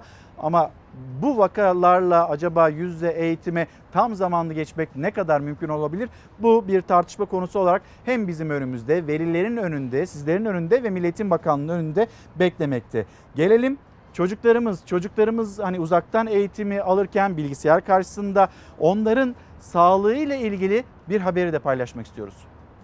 Bizim önerdiğimiz e, saat günlük 2 saat şeklindedir. Fakat şimdi okulların da e, bilgisayar üzerinden e, eğitime geçmelerinden dolayı tabii bu saat biraz daha fazla olacak. Uzaktan eğitim yeni sorunları da beraberinde getirecek. Çocukların göz ve omurga sağlıklarına daha fazla dikkat etmek gerekecek. Mart ayından Haziran'a kadar öğrenciler eğitime uzaktan devam etti. Yüz yüze eğitim için 21 Eylül tarihi belirlendi. Ancak salgının seyrine bağlı olarak tarih değişebilir. İşte bu nedenle uzman anne babaları uyardı. Belki ekranların önüne e, bu ekran koruyucular koyulabilir bilgisayarların önüne ki çocukların ileriki dönemde göz bozukluklarına. Ortaokul çocuklarının en sık rastlayacağı hani çok sık göz bozukluğu görüyoruz biz bu çocuklarda. Bu bu bilgisayara bakma e, biraz daha bu işi arttırabilir. Oturma masası, sandalyesi belki arkadan desteklenebilir. Çünkü bu duruş pozisyonları çok önemli. Çocuk hastalıkları uzmanı Doktor Banu Yazıcı ekran karşısında geçirilmesi gereken sürenin 2 saatle sınırlandırılması gerektiğinin altını çizdi. Ama okullara göre değişse de kim öğrenciler uzaktan eğitime tam gün devam edecek. Skolyoz yani e, omuriliğin S şeklinde olma problemlerini çok sık görüyoruz. Aynı şekilde kifoz dediğimiz gene öne kamburluk şeklinde çok sık görüyoruz ki bu oturma uzun süre oturmalar buna e, neden olabilir. Göz sağlığını korumak için önemli tavsiyeleri de var uzmanların. Genellikle dersler 45 dakika. E, o 45 dakika sonrasında 10 15 dakika bir araları olacak. O aralarda mesela herhangi bir televizyondu, tele, e, televizyon, telefondu ya da e, başka bir bilgisayar, internete bağlanmadan gözlerini kapatıp dinlenmesi gerekmekte. Uzun süre ekran başında ve hareketsiz kalan çocuklarda yaşanabilecek en büyük problemlerden biri de obezite. Çocuklar e, ne kadar biz egzersiz yapın desek de o motivasyonu çok fazla yakalayamayabiliyorlar ve oturdukları hem bir yandan ders yapıyorlar bir yandan aralarda hiç egzersiz yapmadan yemek yiyorlar. Ya da belki de aralarda anne baba bir şekilde bir şeyler getiriyor, pasta börek gibi şeyler getiriyor ve çocuk hareket etmiyor. Hareket de yok, beraberinde beslenme de arttığı zaman obezite en büyük korktuğumuz şeylerden bir tanesi. Sadece fiziksel değil sürekli kapalı ortamda evde kalmak çocukların ruhsal sağlıklarını da etkileyebilir. Uzmanlar anne babaların çocukları rahatlatmaları gerektiğinin altını çiziyor. Öncelikle ailelerin kabullenmesi lazım ve çocukları da onu lanse ettirmeleri gerekiyor. E, kaygılarını çok göstermemeleri gerekiyor. Çünkü hepimiz kaygılıyız ama hani bunu bir nebze de olsa çocuklarımıza yansıtmadan bu dönemi geçirmemiz gerekiyor. Tünelin ucunda o ışık göründü. Dünya Sağlık Örgütü'nün açıklaması ve böyle bir durumda bizler elbette güvenle çocuklarımızı okullara gönderebileceğiz. Ama şimdi acaba veriler sizler ne düşünüyorsunuz? Çocuklarınızı okullara gönderebilme konusunda bir endişeniz, bir kaygınız var mı? Bunu merak ediyorum. Ee, siz de düşüncelerinizi bizimle paylaşırsanız sevinirim. Yani ne yapacaksınız? Bir yandan işte çocuklarımız uzaktan eğitim deniliyor. Uzaktan eğitim, e, uzaktan eğitiminde işte sağlık boyutu var. Bunu da paylaştık sizinle. E, diğer yandan bir pandemi süreci, pandemi sürecinde çocuklarımızı korumamız gerekirken onlar okullara gidecek. Acaba bunun bir kaygısını yaşıyor musunuz? Okullarınızdan size e, yönelik bir bilgi paylaşımı oldu mu olmadı mı? Bunu da hep birlikte yine konuşalım, anlamaya çalışalım. Hürriyet gazetesi manşeti ürküttüğümüz kuşa değdi. E, Cuma günü verilmiş olan doğal gaz rezervi müjdesiyle ilgili önemli bir isim konuştu ve Hürriyet gazetesinin de manşetinde. Türkiye daha önce de birçok kez gaz buldu. Peki Karadeniz'de keşfedilen gazın öncekilerden farkı ne? Bu soruyu dünyanın en önemli enerji uzmanlarından Uluslararası Enerji Ajansı Başkanı Fatih Birol'a sorduk. İşte anlattıkları. Türkiye'nin önceki gaz keşifleri ölçek olarak çok küçüktü. Bu keşif öncekilerle kıyaslanamayacak kadar büyük. Dev denilen sınıfa giriyor. 2010'dan bu yana Norveç'in bulduğu tüm gaz sahalarının toplamına eşit. Attığınız taş, ürküttüğünüz kuşa değecek derler. İşte bu keşif en net anlatacak, bu keşfi en net anlatacak cümle bu demekte. Gelelim bir haber daha var Hürriyet gazetesinden o da turizm sektörüyle ilgili.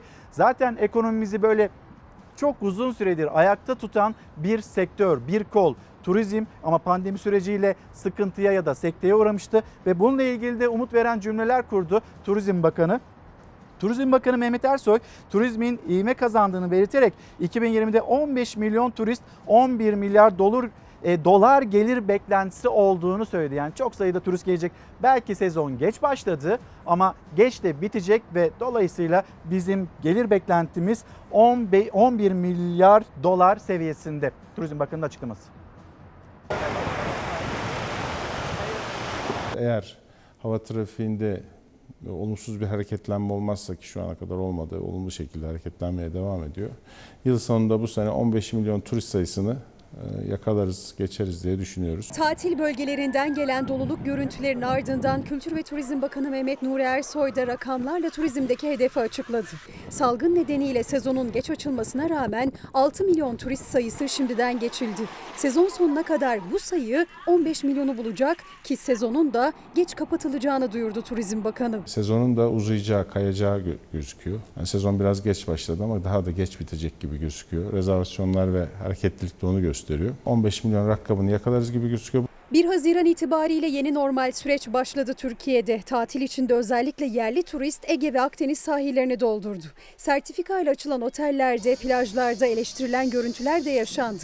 Ancak Kültür ve Turizm Bakanı NTV'de katıldığı programda iddia edildiği gibi %50 kapasite şartının olmadığını söyledi. %50 doluluk oranı diye bir şey olmadı. Bir konuşma geçti yani birileri tarafından. Bu sanki bir alınmış bir kararmış gibi de yayıldı maalesef. Ana kriterimiz sosyal mesafe. Masalardaki bir buçuk metre, sandalyeler arasındaki bir buçuk metre veya yan yana da 60 santim. Yani otelin eğer sosyal mekanları gerekli büyüklüğe sahipse biz ona %50 mecburiyeti getirmiyoruz. Ha kimi otel var bunu %80 dolulukla karşılayabilir. Kimi otel var %50 ile karşıla, karşılayabilir. Sadece yerli turist değil yurt dışından belirli ülkelerle hava sahası da açıldı. Yabancı turistlerin de tercihi Türkiye oldu. Salgında olağanüstü bir seyir olmazsa başka ülkelerden de Türkiye'ye uçuşların olması planlanıyor. Rusya, Ukrayna, İngiltere, Almanya gibi ülkelerle hava trafiği başladı. Daha onlarca ülkeyle de aşamalı bir şekilde hava trafikleri başlama, başladı ve başlamaya da devam ediyor. Kapılarını geç açan turizmciler şimdiden 6,5 milyon kişiyi ağırladı. Hedefse 15 milyon turist sayısıyla 2020 sezonunu kapatmak dedi Bakan Ersoy. 11 milyar dolarlık bir turizm gelirini bu sene için geçeriz diye tahmin ediyorum. Navi Bey yazmış. Maske ve mesafe kurallarına uymayanlar için tünelin ucu belli değil mi demekte. E, Buse Hanım bir sınava girerken bu hastalık yok muydu? Banka kuyruklarında Ayasofya'da neden milli bayramlarımızı kutlarken bir engel karşımıza çıkıyor? Bu soruyu bizlere yöneltmiş aslında yetkililere yöneltmiş diyelim.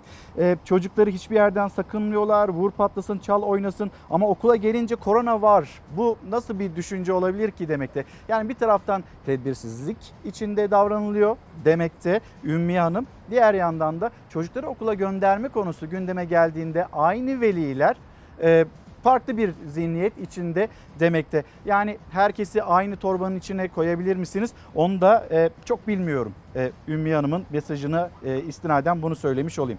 Şimdi esnafımız başından beri programın e, sürekli gündemde tuttuğumuz konulardan bir tanesi. Bir tarafıyla ekonomiyi, diğer tarafıyla geçim. İşte kahvehanelerde çalışanlar bizim hiç yoksa işte bir ortalamaya vurduğunuzda lise çağında, üniversite çağında e, öğrencilerimiz var, çocuklarımız var. Biz onları geçindirmek zorundayız ama yaşadığımız sıkıntılar var demekler. İşte bakıyorsunuz kırtasiyeler, okullar açılacak mı açılmayacak mı bu endişe yaşanılırken kırtasiye esnafının zorda olduğunu hatırlatalım. E, kantinciler var okulların içinde biz ne yapacağız diyorlar. Ta Mart ayından beri bizim dükkanlarımız kapalı biz nasıl geçineceğiz diye. 415 iş kolunu saymakta TES Başkanı Bendevi Palandöken. Ve Bendevi Palandöken'in manşeti biz de entübeyiz. Siftah edemiyoruz ki ne satış yapalım. Siftah yapamıyoruz. 30 senedir buradayım. Körfez savaşlarını gördük, depremleri gördük. Bir sürü sıkıntılar gördük ama hiç bunun gibi esnaf sıkıntıya düşmedi ve bize hiç bir kol uzanmıyor.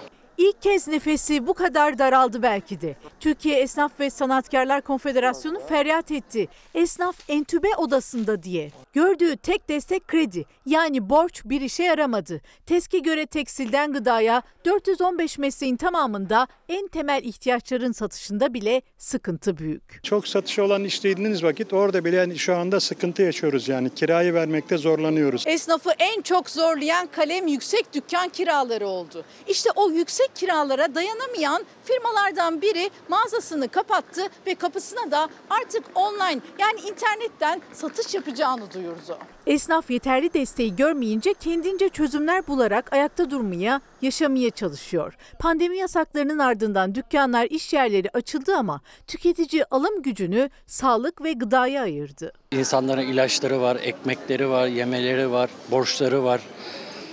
Na- Nasıl gelsin burada alışverişi düşünsün? Geliri yok. Bir başka dükkan bir yıldır boş duruyordu. Bir yıl öncesine kadarsa bir ayakkabı dükkanıydı. Şimdi onun yerine satışı çok yapılan sağlık ürünleri dükkanı açıldı. Pandemi ürünleri satıyoruz. Pandemi bitince belki o da kapanacak ama en azından günü kurtaracak. TES Genel Başkanı Bendevi Palandöken'e göre esnaf nefes alamıyor. Gün geçtikçe yük daha ağırlaştı. Dün entübe odasındaydık, bugün ölüyoruz diye feryat ediyoruz. İnsanlar aç olduğu sürece, iş yapamadığı sürece, kurallar uygulanmadığı sürece mecburen öyle. Mal sahipleri, ev sahipleri bu arada biraz daha bize tolerans ta- tanıdılar. Yani iki ay kira almadı gibi yani. Ama bunu elektrik idaresi yapmıyor. Son elektrik faturanız ne kadar? Bir, bir 600 küsür. 1600 lira. Evet. Ondan önceki? Ondan önceki herhalde 1000 liraydı galiba. Ev sahibinden gördüğü desteği devletten görememekten şikayetçi. Mal sahibi kirayı iki ay erteledi ama devlet faturaları erteleyemedi. Esnaf devletten kredi değil gerçek bir destek bekledi. Sadece bankaların vermiş olduğu kredi var almadık onu. Peki ne isterdiniz? Ne olsun? Devletin e, daha çok destek vermesini isterdik. Ee, Esnafa daha farklı bir e, kolaylık sağlamasını isterdik. Devletten şunu isteriz yani bu elektrik olsun, doğalgaz olsun, su olsun, kiralar olsun biraz daha düşürülmesi. Bizler şu anda para kazanmıyoruz, ayakta kalmaya çalışıyoruz. Leyla Hanım, Leyla Tatar günaydın. Tünelin ucundaki hangi tünel, hangi ışık Turizm Bakanı turist girişini teşvik ediyor ve turizm gelirlerinden söz ediliyor ama Cumhurbaşkanı Erdoğan onun dün Bakanlar Kurulu'ndan sonra yapmış olduğu açıklamalar bir yandan onu da hatırlatıyor. İşte sahiller, kalabalık yerler buralara dikkat etmemiz gerekiyor denilmekte. Şimdi Turizm Bakanı bunu söylerken bir yandan sosyal mesafe kurallarına uyulması gerekliliğini hatırlatıyor. Ama işte bizim gördüğümüz, bizim gözlemlediğimiz, bizim yaşadığımız bu turizm yerlerinde insanlar e, o beldelere, o sahillere gittiğinde bir rahatlama oluyor. O rahatlama zaten en başından beri 1 Haziran'dan itibaren vardı. Yani devletin kendisi kemerleri o kadar çok gevşetti ki vatandaşta sanki bu virüs bitmiş gibi bir algı oluştu. Nazlı Demir, günaydınlar. Okullar açılsın. Her yer açık. Gençler, çocuklar her yerde. Okulların açılmaması doğru değil. Uzaktan eğitim olmuyor demekte. Haklısınız. Çünkü uzaktan eğitime erişim noktasında e, bir zorluk var, bir güçlük var. Te- Temel bir altyapı eksikliği de yaşanıyor. Çocuklarımızın, e, milyonlarca çocuğumuzun ancak yarısı, 16 milyon çocuğumuzdan 8 milyonu ancak bu uzaktan eğitimi sağlıklı bir şekilde başarmaya çalışıyor. Ama uzaktan eğitim ne kadar yeterli derseniz eğitim uzmanları da aslında biraz buna dikkat çekmekteler. Öbür türlüsü mesela yarı zamanlı açıldığında çalışan anneler var, onların sıkıntıları var. İşte çocuklarını okula bırakacaklar, sonra kendileri işe gidecekler. E boş günlerde büyüklerin yanına biz en başından beri büyüklerimizi korumaya çalışıyoruz. E çocuğunuzu alacaksınız, emanet edeceğiniz yer yine e, büyüklerin yanı olacak. Bu kez onlarla ilgili farklı bir kaygı ortaya çıkmayacak mı?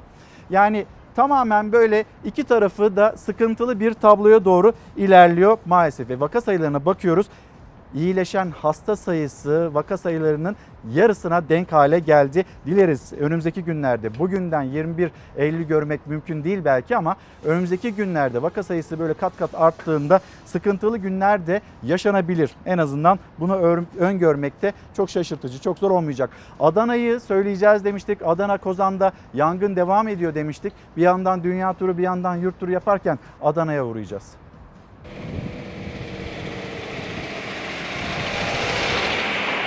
Adana'da alevlerde alevlerin yarattığı korku da dinmiyor. Neredeyse 3 gündür devam eden yangın kontrol altına henüz alınamadı. 200 hektarın üzerinde ormanlık alan zarar gördü bile. 9 mahalle tamamen boşaltıldı. Tarım ve Orman Bakanı Bekir Pakdemirli de yangınla mücadeleyi yerinde takip etti. Yangın her tarafı sardı bak Mustafa abi. Herkes ayakta olsun malını eee, her şeyi alın yani bak. Dün 6 mahalle boşaltılmıştı. Bugün 3 mahalle daha eklendi. Arabasını atlayan canını kurtarmak için alevlerden uzağa kaçtı. Kalanlarsa evlerden eşyalarını kurtarmaya çalışıyor. Adana Kuyubeyli'de iki gün önce 3 ayrı noktada çıkan yangın rüzgarın şiddetiyle yayıldı. Gece saatlerinde ise birçok köy yangın tehdidiyle yüz yüze geldi. Fikrinizi alın köyü komple boşaltıyoruz aşağı. Şimdi Karahamzalı komple boşalttı. Acar Yayla boşalttı. Çamlarca boşalttı. Komple oralar hep yandı abi. Alevler yerleşim yerlerini tehdit etmeye başlayınca Kuyubeli mahallesinde yangında evi alev alan Fatma Gül'ün feryadı yürekleri dağladı. Ailesine zarar gelmemesi en büyük tesellisiydi. Evini kaybeden Fatma Gül'ü Adana valisi Süleyman Elban teselli etti. Ev sorununu çözeceğiz dedi. Ev problem değil. Ev yapılır. Yaparız evi de. Sağ olun Allah Tamam. razı olsun. Canınız sağ olsun. Çolukla çocukta bir şey yok değil mi inşallah? Çocuğum oğlum askerde, kızlarım da yok zaten. Yangının çıkış nedeni henüz bilinmiyor ancak Adana valisi kundaklama şüphesi üzerinde durulduğunu açıkladı. Söndürme çalışmaları ve incelemeler sürüyor. Efendim şimdi çiftçimizin sorunlarına bakacağız. Biberi konuşacağız, besiciyi konuşacağız, fındığı konuşacağız. Ama şu haberi de unutmak istemiyoruz. Hani paramız var, ithalat yapabiliyoruz cümleleri. Diğer tarafında e bizim zaten var. Biz niye dışarıdan alıyoruz? Karşı yanıtları. Evrensel Gazetesi, Evrensel Gazetesi'nin manşeti peynir ithal, süt iptal. Venezuela'dan peynir ithalatına başlayan Türkiye'de süt üreticisinin zama, saman, yem, yonca ve diğer girdileri artarken çiğ süt fiyatı 14 aydır sabit tutuluyor. Üretici üretimden kopartılıyor. Zaten biz bunu çok uzun süredir konuşmuştuk, söylemiştik. Bu arada Cumhuriyet Gazetesi'nde de o haberi paylaşalım. Samanla ilgili tartışmalar devam ediyor. Biz sa- saman ithal etmiyoruz şeklinde e, zaman zaman görüşler, cümleler de duyuyoruz. Et ve süt ürünlerinin fiyatı hayvan yemine bağlı. Onun fiyatı ise tarihi rekorlar kırıyor saman kara borsada. Salgının da körüklediği ekonomik bunalım döviz kurları boyutuyla çok tartışılırken doğrudan sofraları ve hayvancılığı ilgilendiren boyut gözden kaçıyor. Haziranda 650-700 lira olan samanın tonu 940 liraya yükseldi. Yıl başında fiyatın 1500 liraya çıkacağını öngören hayvan üreticileri kışı çıkar, çıkaramama kabusu yaşıyor. Ve diyor ki Cumhuriyet Gazetesi saman kara borsada. Belki hani bunu çok ileri bir yorum olarak düşünenler olabilir. O yüzden biz buradan bu ekrandan soralım mesela besicilerimize, çiftçilerimize samanla ilgili durum ne? Geçen sene ne kadar alıyordunuz? Şu anda ne kadar ve bir öngörünüz var mı yok mu? Bu soruyu soralım ve biber diyelim. bekletiyoruz. Yaklaşık olarak biz bir 15 gün boykot kararı aldık. Yani neden? açıklanan fiyatlar yani bizi kesinlikle tatmin etmiyor. 2.80 kuruş. Geçen yıl 3.20 kuruşa gitti bu gördüğünüz şu biber. Artan girdi maliyetlerinin karşısında eridi çiftçinin kilo başına cebine giren tutar. Gaziantep'li biber üreticisi geçen yıla göre düşen alım fiyatı karşısında zararda. Ürünü ise tarlada hasat edilmeyi bekliyor. Bu yıl e, elektriğin kilovatı 500 geçen yıl 560 liradan bu yıl 5 980 lira kilovatı. Yani şurada gördüğünüz kuyu bir günde 1000 lira elektrik yakıyor. 1000 lira. 180 liradan aldığımız e, haşere ilacı bugün 250 lira. Damlama boruları %50 zamlanmış. Mazot giderleri o keza. İşte gübre o keza. İşçilik maliyetleri artmış. Elektrik, su, ilaç maliyetleri, işçi parası geçen yıla göre zamlı bu yıl. Üretici cebinden çıkanın yerinin alım fiyatlarındaki artışla dolmasını bekledi ama umduğunu bulamadı. Geçen yıl 3 lira 20 kuruştan alınan biberin fiyatı bu yıl artmadı. 2 lira 80 kuruşa düştü. Burada üreticileri kader kurbanı ediyorlar. Şu an bu geçmek üzere. Biz zarardayız. 2800 liraya gitse ancak kendini kurtarır. Bize bir şey kalmaz. Zaten zararda olan çiftçi bir de işçi parası ödeyecek ürününü hasat ettirmek için. Daha da zarara girmemek için ürününü toplatmıyor. Alım fiyatının yükseltilmesini bekliyor. Yani en azından 3500 lira 3.50 kuruş civarında olmasını bekliyoruz yani en azından. Samanla ilgili ortaya çıkan rakamları konuştuk ama besicinin, çiftçinin bir de yem sorunu var. Hem çiftçi olarak hem de besici olarak Bu hayvanları ben 100 bin liraya torbası 50 kilo yem alarak nasıl besleyip nasıl kar edeceğimi ben artık bilmiyorum.